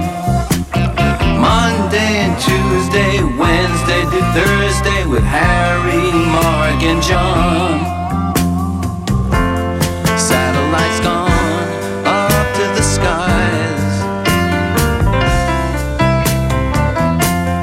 Things like that drive me out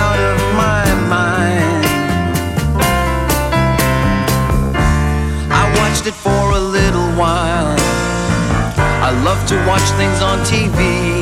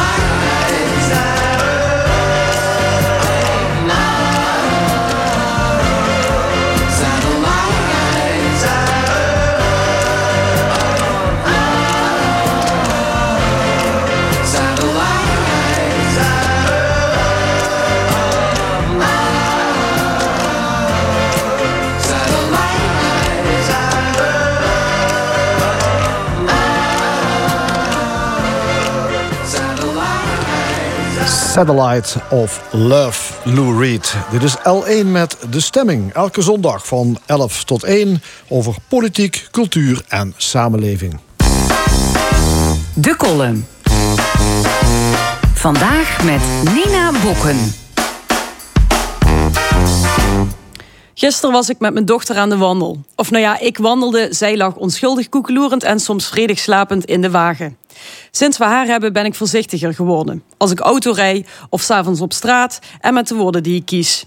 Toch heeft ze gisteren voor het eerst mijn pauperversie gezien. Ik liep richting huis toen ik stuitte op wat leek op een ongemakkelijk vrijgezellenfeestje van mannen die een spandoek ophielden. Toen ik keek, zag ik dat erop stond White Lives Matter. Ze stonden vlak voor een terras en mensen dronken er achteloos hun koffie.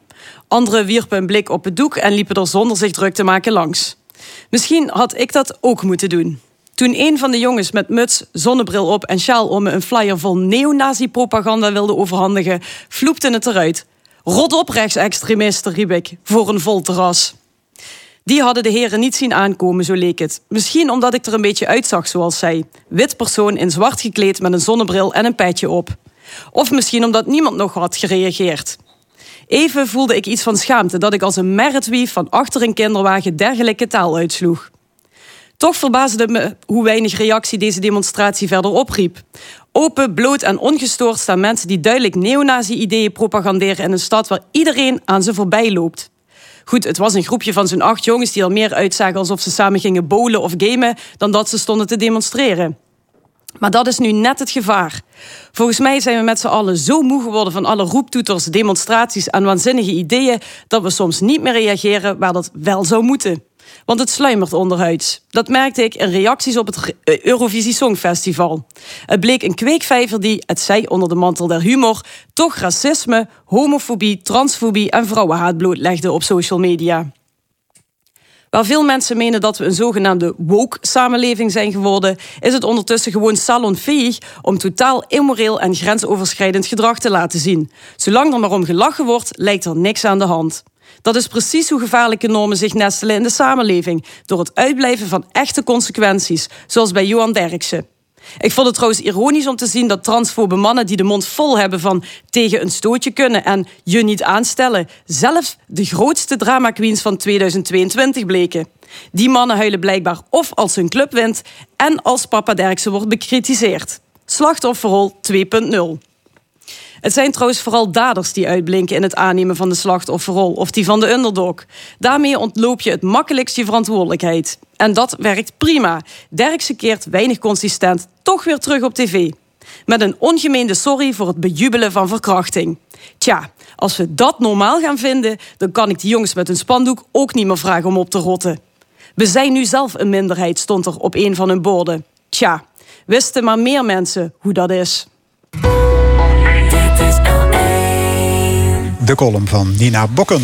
We gaan naar het discussiepanel. Drie opiniemakers bespreken het nieuws van de week. Vandaag over een oud-minister die een journalist probeert af te fakkelen. Mogen Finland en Zweden worden toegelaten tot de NAVO? En over Maastricht-Agen Airport. Ik heet van harte welkom de oud-Kamerleden Monique Quint van de PvdA... Karen Leunissen van het CDA en Jan de Wit van de SP. Ja, Finland wil toetreden tot de NAVO en Zweden zal naar verwachting volgen. Ja, Rusland is daar niet over te spreken, over die plannen. Uh, zegt dat het een bedreiging wordt voor de Russen. Wat denken jullie? Wordt de wereld veiliger met een uitbreiding van de NAVO in Scandinavië? Ik, denk, ik denk het niet. Ik denk het niet. Uh, kijk, ik kan me uh, voorstellen dat uh, Finland en Zweden ehm, willen dat ze lid worden van, van de NAVO. Um, en daar heeft eigenlijk Poetin uh, heeft daar de meeste schuld aan, uh, om het zo maar uh, te zeggen. Omdat hij nou getoond heeft wat hij werkelijk wil. En dat hij dus ook da daadwerkelijk landen gaat aanvallen, of een land gaat aanvallen. Oekraïne dus in dit geval. Dus het, het, het, het is eigenlijk veroorzaakt door de, de, het gedrag van Poetin. Maar het zal zeker niet leiden tot een veiliger Europa. En, sterker nog, naarmate er meer landen, uh, zeg maar, de, artikel 5 discussie. Hè, als één land wordt aangevallen van de NAVO, dan eh, worden ze allemaal aangevallen en gaan we allemaal meeknokken. Ehm, het risico is dus echt heel erg groot dat heel Europa in brand uh, komt te staan. Uh, terwijl je vroeger nog wellicht een paar verstandige landen hadden die neutraliteit probeerden in acht te nemen. Maar de, de, de, als er een conflict ontstaat, is het meteen heel erg raak. En uh, is, nou ja, is het niet te overzien wat er gaat gebeuren. Dus ik, ik ben daar ook heel erg benauwd voor ehm, wat er nu gaat gebeuren. Omdat het ongetwijfeld door Rusland als een bedreiging wordt gezien, die mogelijk tot, tot consequenties zullen, zullen leiden. Nou, ik denk Karel Leunissen? Ik ben een zeer grote voorstander van het feit dat zowel Zweden als Finland zich aansluiten bij de NAVO.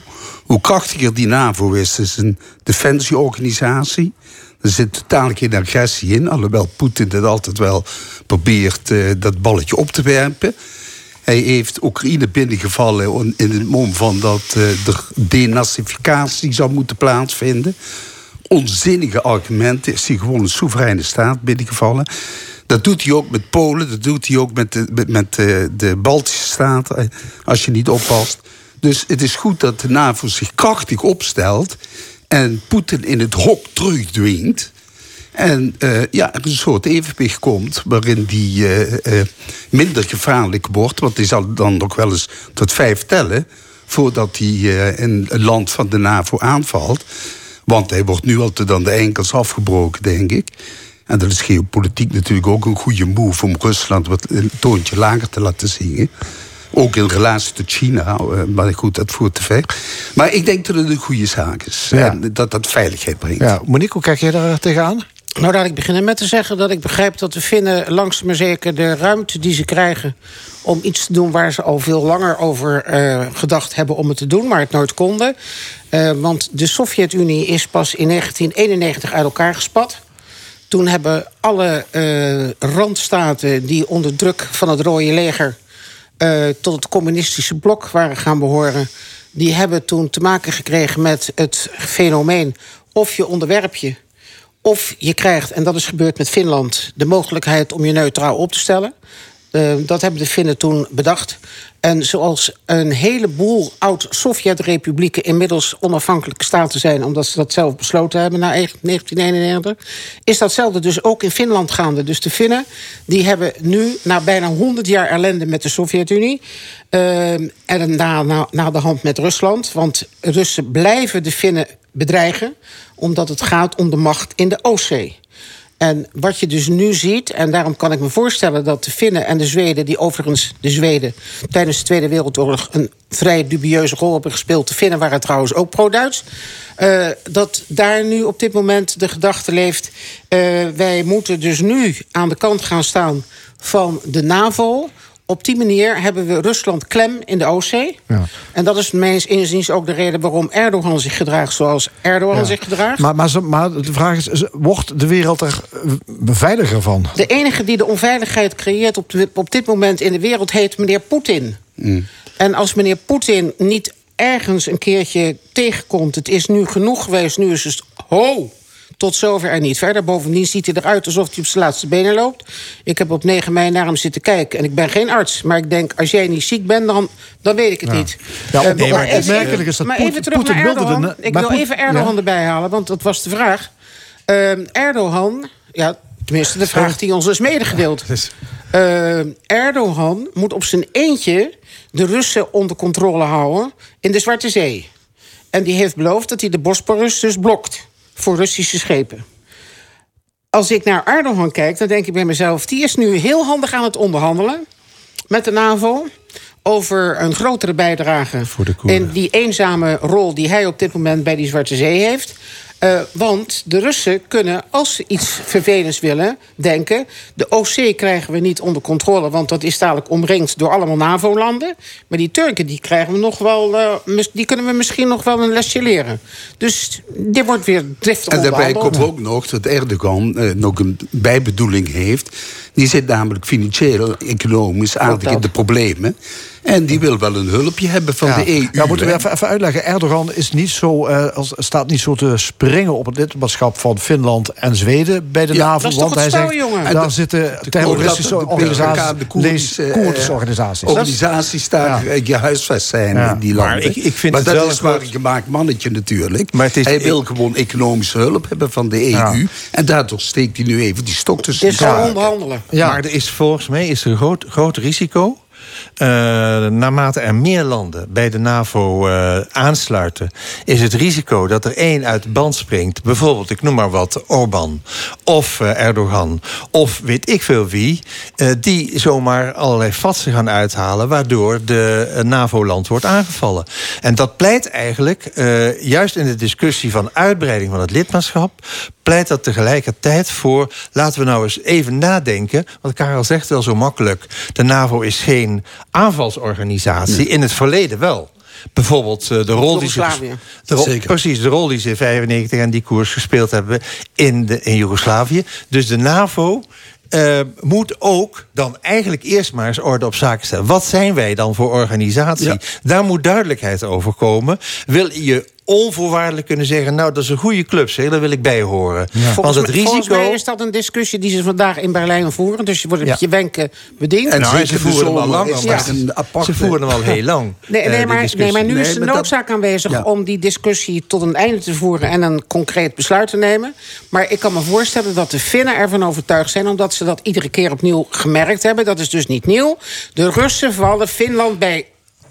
Ik weet niet hoe. Ze hebben ze geloof ik al vijf keer aangevallen. Maar Met- Finland en Zweden, die hebben. Ja, Finland Ja. en Zweden hebben wellicht baat bij dat NAVO-lidmaatschap. Hebben de huidige NAVO-landen ook baat bij die toetreding van Finland en Zweden? Ja, maar Tuurlijk, omdat ze eh, qua legermacht veel krachtiger zijn. En zoals Monique zegt, Oostzee en de Baltische Zee... die worden veel beter afgestemd. En ook de Antarctica, wat steeds belangrijke Juist. rol gaat spelen. Hè?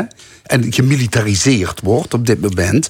Waar heel veel olie nog zit. En, eh, ja, daar, daar komen nog hele nieuwe ontwikkelingen Maar vandaan. Daar moet je krachtig zijn. Dat- en dat, dat- is belangrijk. Ik, ik ben blij dat Karel dat, dat, dat, dat, dat, opvoert.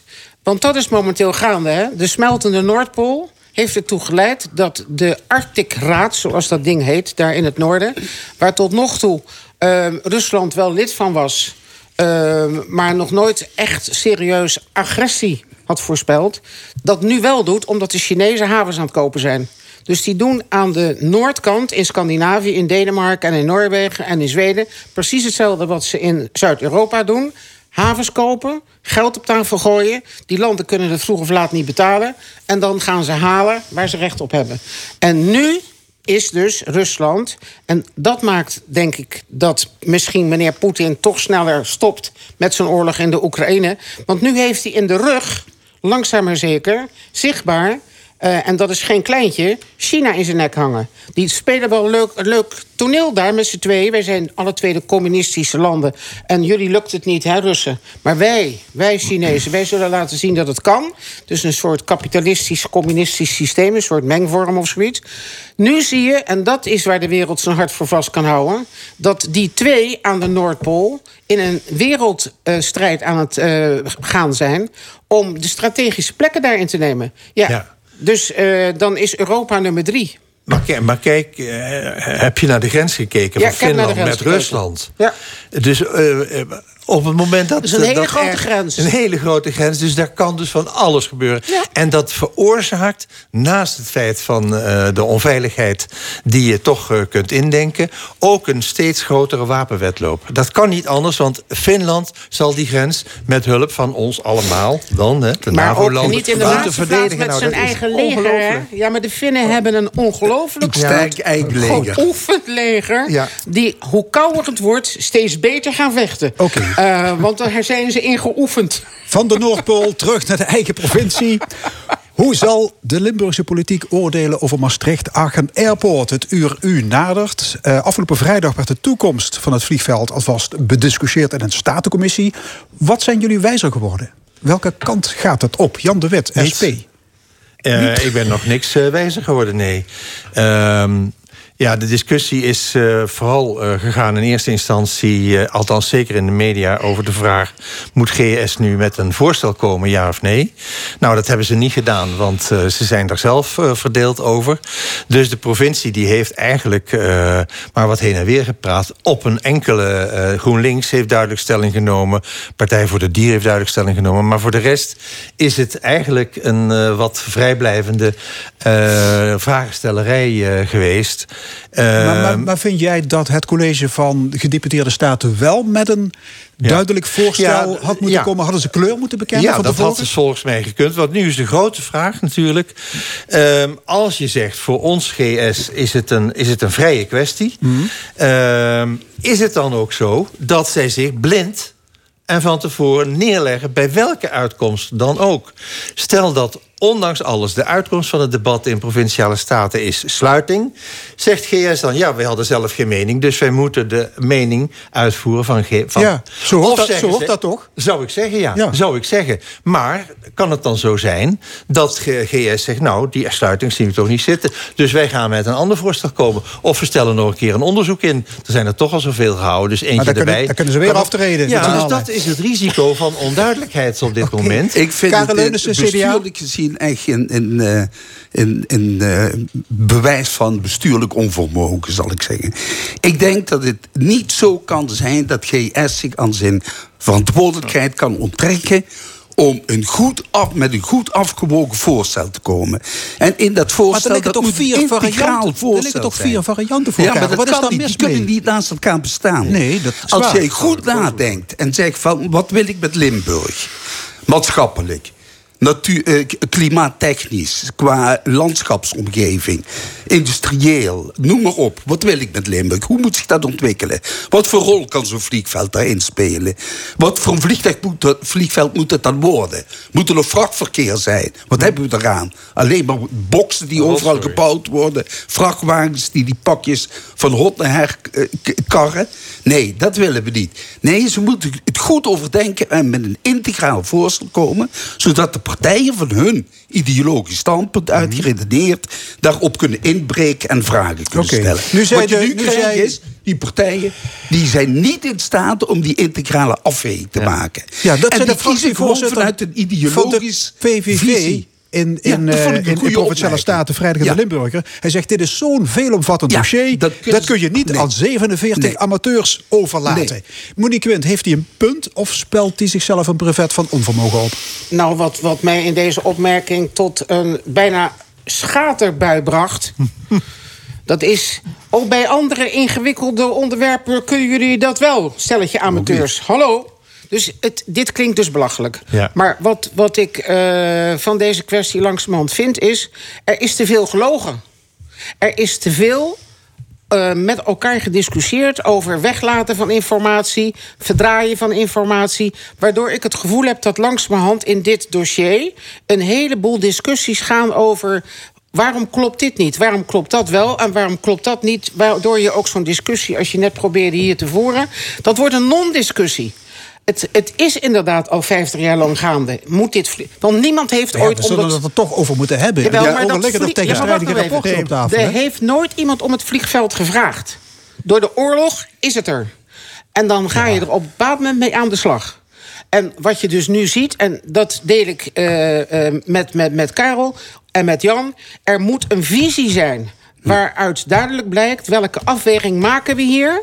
en hebben we een eerlijk kostenplaatje met Ja. elkaar. Ja. Want, want kijk, we zitten in een tijd van inflatie, hè? Dus ik zou wel eens willen weten, zijn alle berekeningen... die tot nog toe ten grondslag liggen aan die vier variaties... die eh, op tafel liggen waaruit gekozen moet worden... zijn die allemaal doorgerekend? En op basis van wat voor indexering zijn die doorgerekend?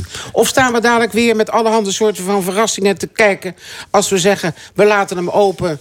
nog even daar gelaten of dat we gaan uitbreiden... weten we dan precies wat alle kosten zijn die daaruit voortvloeien. En dat is- kortom, Ja, terug naar de tekentafel. En nog meer uitstel? Of Nee, ik zeg alleen niet. dat ik heb begrepen dat die informatie er niet is. Ja. En, en als je dus eh, tegen de Staten zegt... eh, u moet nu een besluit nemen... en je geeft geen visie aan waarin je verdedigt... dat als de kosten die realistisch berekend zijn... Hè, anno 2022 voor de komende jaren... dat je die kan afwegen tegen kosten die je op andere terreinen hebt. Want we zullen ook in Limburg boeren moeten uitkopen. Hoe je het ook went of keert, want dat verhaal over stikstof net... ook dat bracht mij bijna aan het lachen. Natuurlijk is er een enorme stikstofuitstoot op dat vliegveld. Als je dat dus terug moet brengen naar het niveau... wat vereist wordt door de klimaatafspraken... ja, als je dat bij het vliegveld het, het te weinig doet... dan moet je het ergens anders halen. Goed, Ja, die, dus die je- commissievergadering, die commissievergadering werd voorafgegaan door 22 insprekers. Hm. Die waren 3,5 uur eh, a- aan het woord. Wat vinden jullie daarvan? Nou ja, ik vind de eh, op zichzelf, eh, want dat, is, dat zou ik in de richting van eh, eh, die politicus van eh, de PVV willen zeggen, meneer Klaassen, als ik het goed begrijp. Die overigens zelf niet als woordvoerder wordt opgevoerd eh, in het debat. Dus kennelijk er niet was, of misschien wel, maar zijn mond heeft gehouden. Eh, maar kijk, dat, dat is natuurlijk wel de politiek. Je bent gekozen als lid van provinciale staten. Je vertegenwoordigt een aantal kiezers. Een groot aantal of kleiner, maakt niet uit. Je zit daar voor de mensen die jou gekozen hebben... en mogelijk ook voor anderen. Wat hoort dan tot de taak van een politicus? Dan hoort daartoe dat je dus je verdiept in de materie... dat je alle rapporten eh, in ieder geval gelezen hebt... dat je dingen kunt afwegen Jan, en tot een stand kunt Denk je komen. niet dat de, En argumenten van de, dat de argumenten van die 22 insprekers al niet lang en breed bekend zijn bij alle staten? Nee, maar ik vind, is dit niet voor de buren? Ik vind juist dat... In, in, eh, hè, want anders eh, eh, kunnen we weer een eh, uitzending vol, eh, volmaken... over de bestuurlijke kloof en over bestuurlijke vernieuwing. Eh, allemaal onderwerpen die toch erop duiden... eh, de burger wil betrokken zijn bij wat er gebeurt. En als zijn er 23 mensen of 22... mij maakt het niet uit. Je, je bent als politicus gewoon verplicht om mensen de gelegenheid te bieden... hun mening maar die weer te statenleden geven. komen nergens aan toe. Maar, nou, dat, is, dat is onzin. Ja, maar je kan Omdat toch na ze al die- zitten daar Maar ze één dag in de week. Je kan toch Eh, na al die dus ze jaren hebben niet beweren dat, dat dit het argument is waarom je geen besluit kan nemen. Hè? Als je dat nou twintig jaar geleden had gezegd, toen er nog een heleboel informatie was, waarvan intussen bleek dat die informatie niet helemaal correct was of niet helemaal eh, eerlijk was, was gepresenteerd. Want al die getallen eh, werkgelegenheid, wat ik daar allemaal intussen niet over gelezen Ja. heb, ik begin er niet meer aan om te denken dat het Maar, maar, nee, dus, Dat de situatie is helemaal veranderd. Jullie hebben het over twintig jaar geleden, maar we leven nu. Ja, Je moet ook kijken naar Schiphol, naar Lelystad. Dat moet een integrale aanpak worden. eh, Waarover nagedacht is. Wat voor toegevoegde waarde kan dat hebben? Hoe verhoudt zich dat tot de uitbreiding van Biersen? Hè, wat ze willen gaan doen. Daar zijn we wel eh, niet tegen. Hè? Dat vinden we prima. Maar al die, als je, is- je hebt zo'n app waar je die vliegroutes kunt zien. Mhm. Al die vliegtuigen komen naar en van Biersen. Die hier over Zuid-Limburg vliegen. Overgrote deel. En daar gaan we mee akkoord. En daar heeft de regering mee ingestemd. Ja, maar- maar wacht- Nee, je je moet nu Maar- maar wacht een- even. Een, een integrale afweging maken. En dus de, de verschillende politieke partijen in de Staten zijn daar niet toe in staat. Maar wat, wat, wat ik hier hoor, en dat brengt mij tot een andere kwestie. De grensoverschrijdende samenwerking als het gaat om infrastructuur en mobiliteit is dramatisch slecht. Want, net is terecht gezegd, hoeveel grote vliegvelden hebben we hier op binnen een uur rijden? Maar waarom zijn we nog steeds niet in staat om fatsoenlijke treinverbindingen te organiseren? Zelfs in Noord-Limburg, de Maaslijn, is weer problematisch. Ja. Dus waarom kunnen we hier niet, en dat is, vind ik echt een gebrek aan de politiek van, van de provincie, keuzes maken op basis van een visie die een afgewogen visie conclusie. Want Maar je kunt integrale mij- aanpak. Je kunt, je, Het woord je van kunt- deze ja. uitzending. Ja. maar Je, je kunt zeggen welke, welke optie je ook kiest. Als het openhouden is, dan hebben we last en van die eh krakkemikkige vrachtvliegtuigen... die een enorm lawaai en uitstoot veroorzaken. En hebben we nog lang geen zicht op een duurzaam eh, gebouwd vlucht, vliegtuig, zou ik maar zeggen. Ik, we horen daar straks dat dat 2050 moet dat allemaal gebeuren. Nou, dat maken wij dus, ik althans in ieder geval niet meer mee. Tenzij je zegt nee, maar van- dus dat, dat is een drogreden. Tenzij je zegt om van te zeggen dat- wrakvliegtuigen, Dat, er moeten betere af. vliegtuigen, dat We moeten duurt geen jaren. wrakvliegveld Goed, dat duurt Ik- jaren. dat luidt dat maar doen. Ik ga deze discussie afkappen. Eh, ik zei al, vrijdag 3 juni valt de beslissing. En we komen er met jullie terug op terug op Pinksterzondag de 5e. Heilige. Geest. Nou, Heilige Geest. Ja, Die mo- die mogen ons misschien helpt dat. Ja.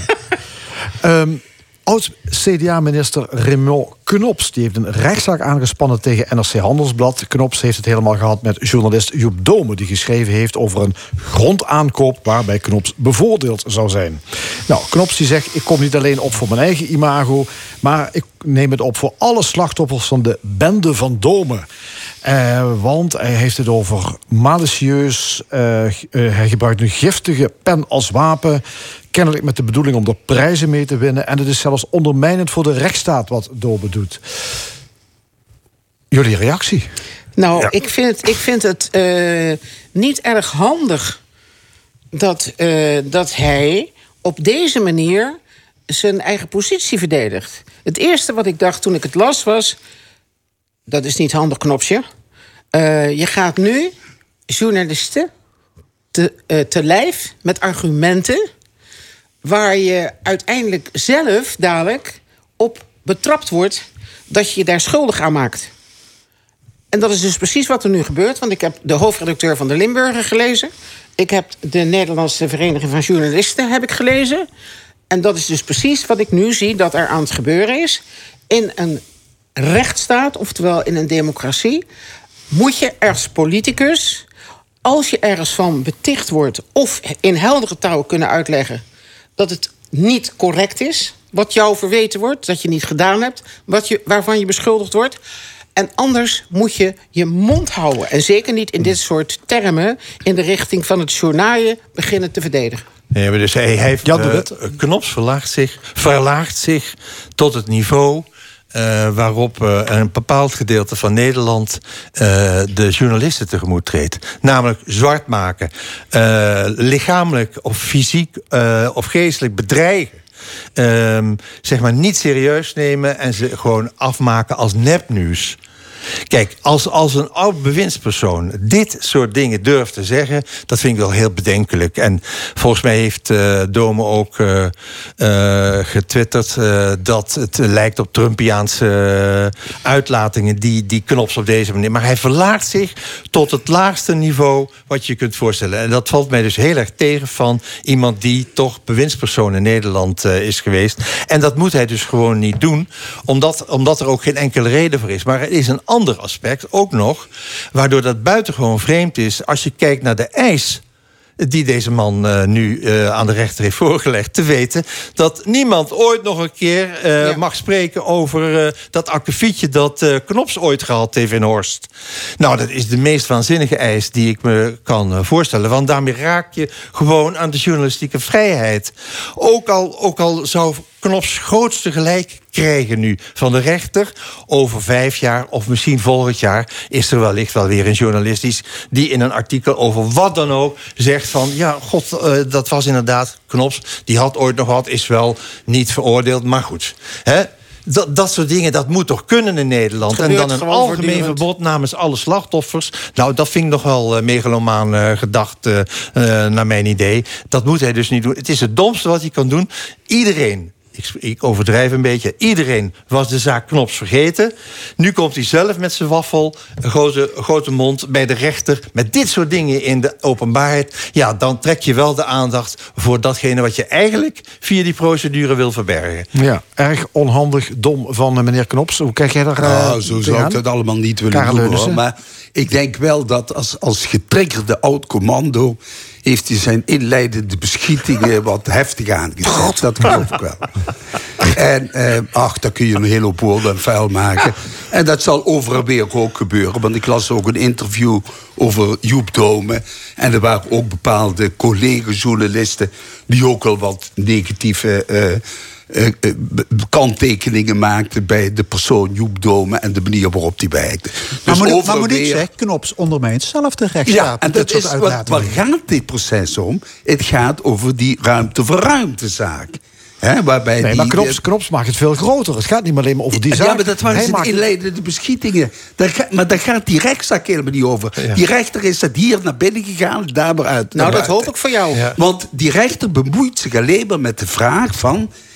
heeft de gemeente en de provincie en iedereen die daarbij betrokken is... rechtmatig gehandeld in dit kader van de wet Ruimte voor Ruimte. Ja, maar Karel, dat En geloof ik wel. Maar, maar, hij- het maar Knops- stelt, ja of ja, nee. Oké, maar En dat is het juridische verhaal in, in de rechtbank. Maar daarnaast heeft Knops natuurlijk iets gedaan... wat de aandacht heeft gekregen. En wat natuurlijk... Ja, maar daarmee maakt het veel groter. Maar wat, wat, wat geen substantie heeft. Want het hoort daar gewoon niet thuis. Ja, maar, maar- ja, maar weet je wat ik nou zo leuk vind? Dat is, hè? is gewoon Nee, beetje maar- overgelopen. Ja, maar. Karel, weet, weet je wat jij nou aan het doen bent? Hè? En ik, ik herken het werkelijk op een kilometer afstand met mijn oren en mijn ogen dicht.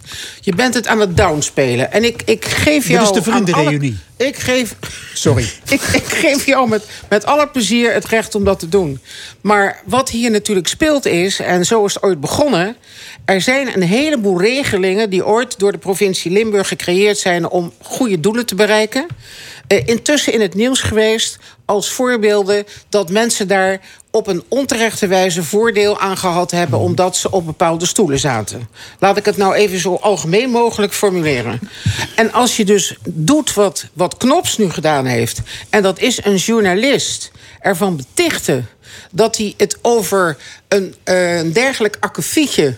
ehm, eigenlijk onterecht aankaart...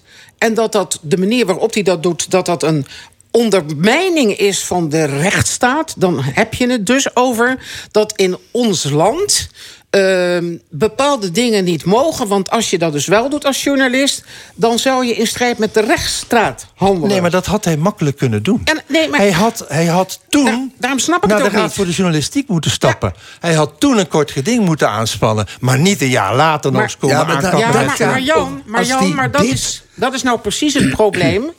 Waarom heeft hij niet vanaf het begin gewoon gezegd... Ja, luister, dit is dit is een waar. onterechte aanval. Dit klopt niet. Ja, en ik leg jullie precies. uit waarom het niet klopt. Precies, klopt. Nou, maar dat is ook de basis van de, de, de bodemprocedure die hij heeft opgestart.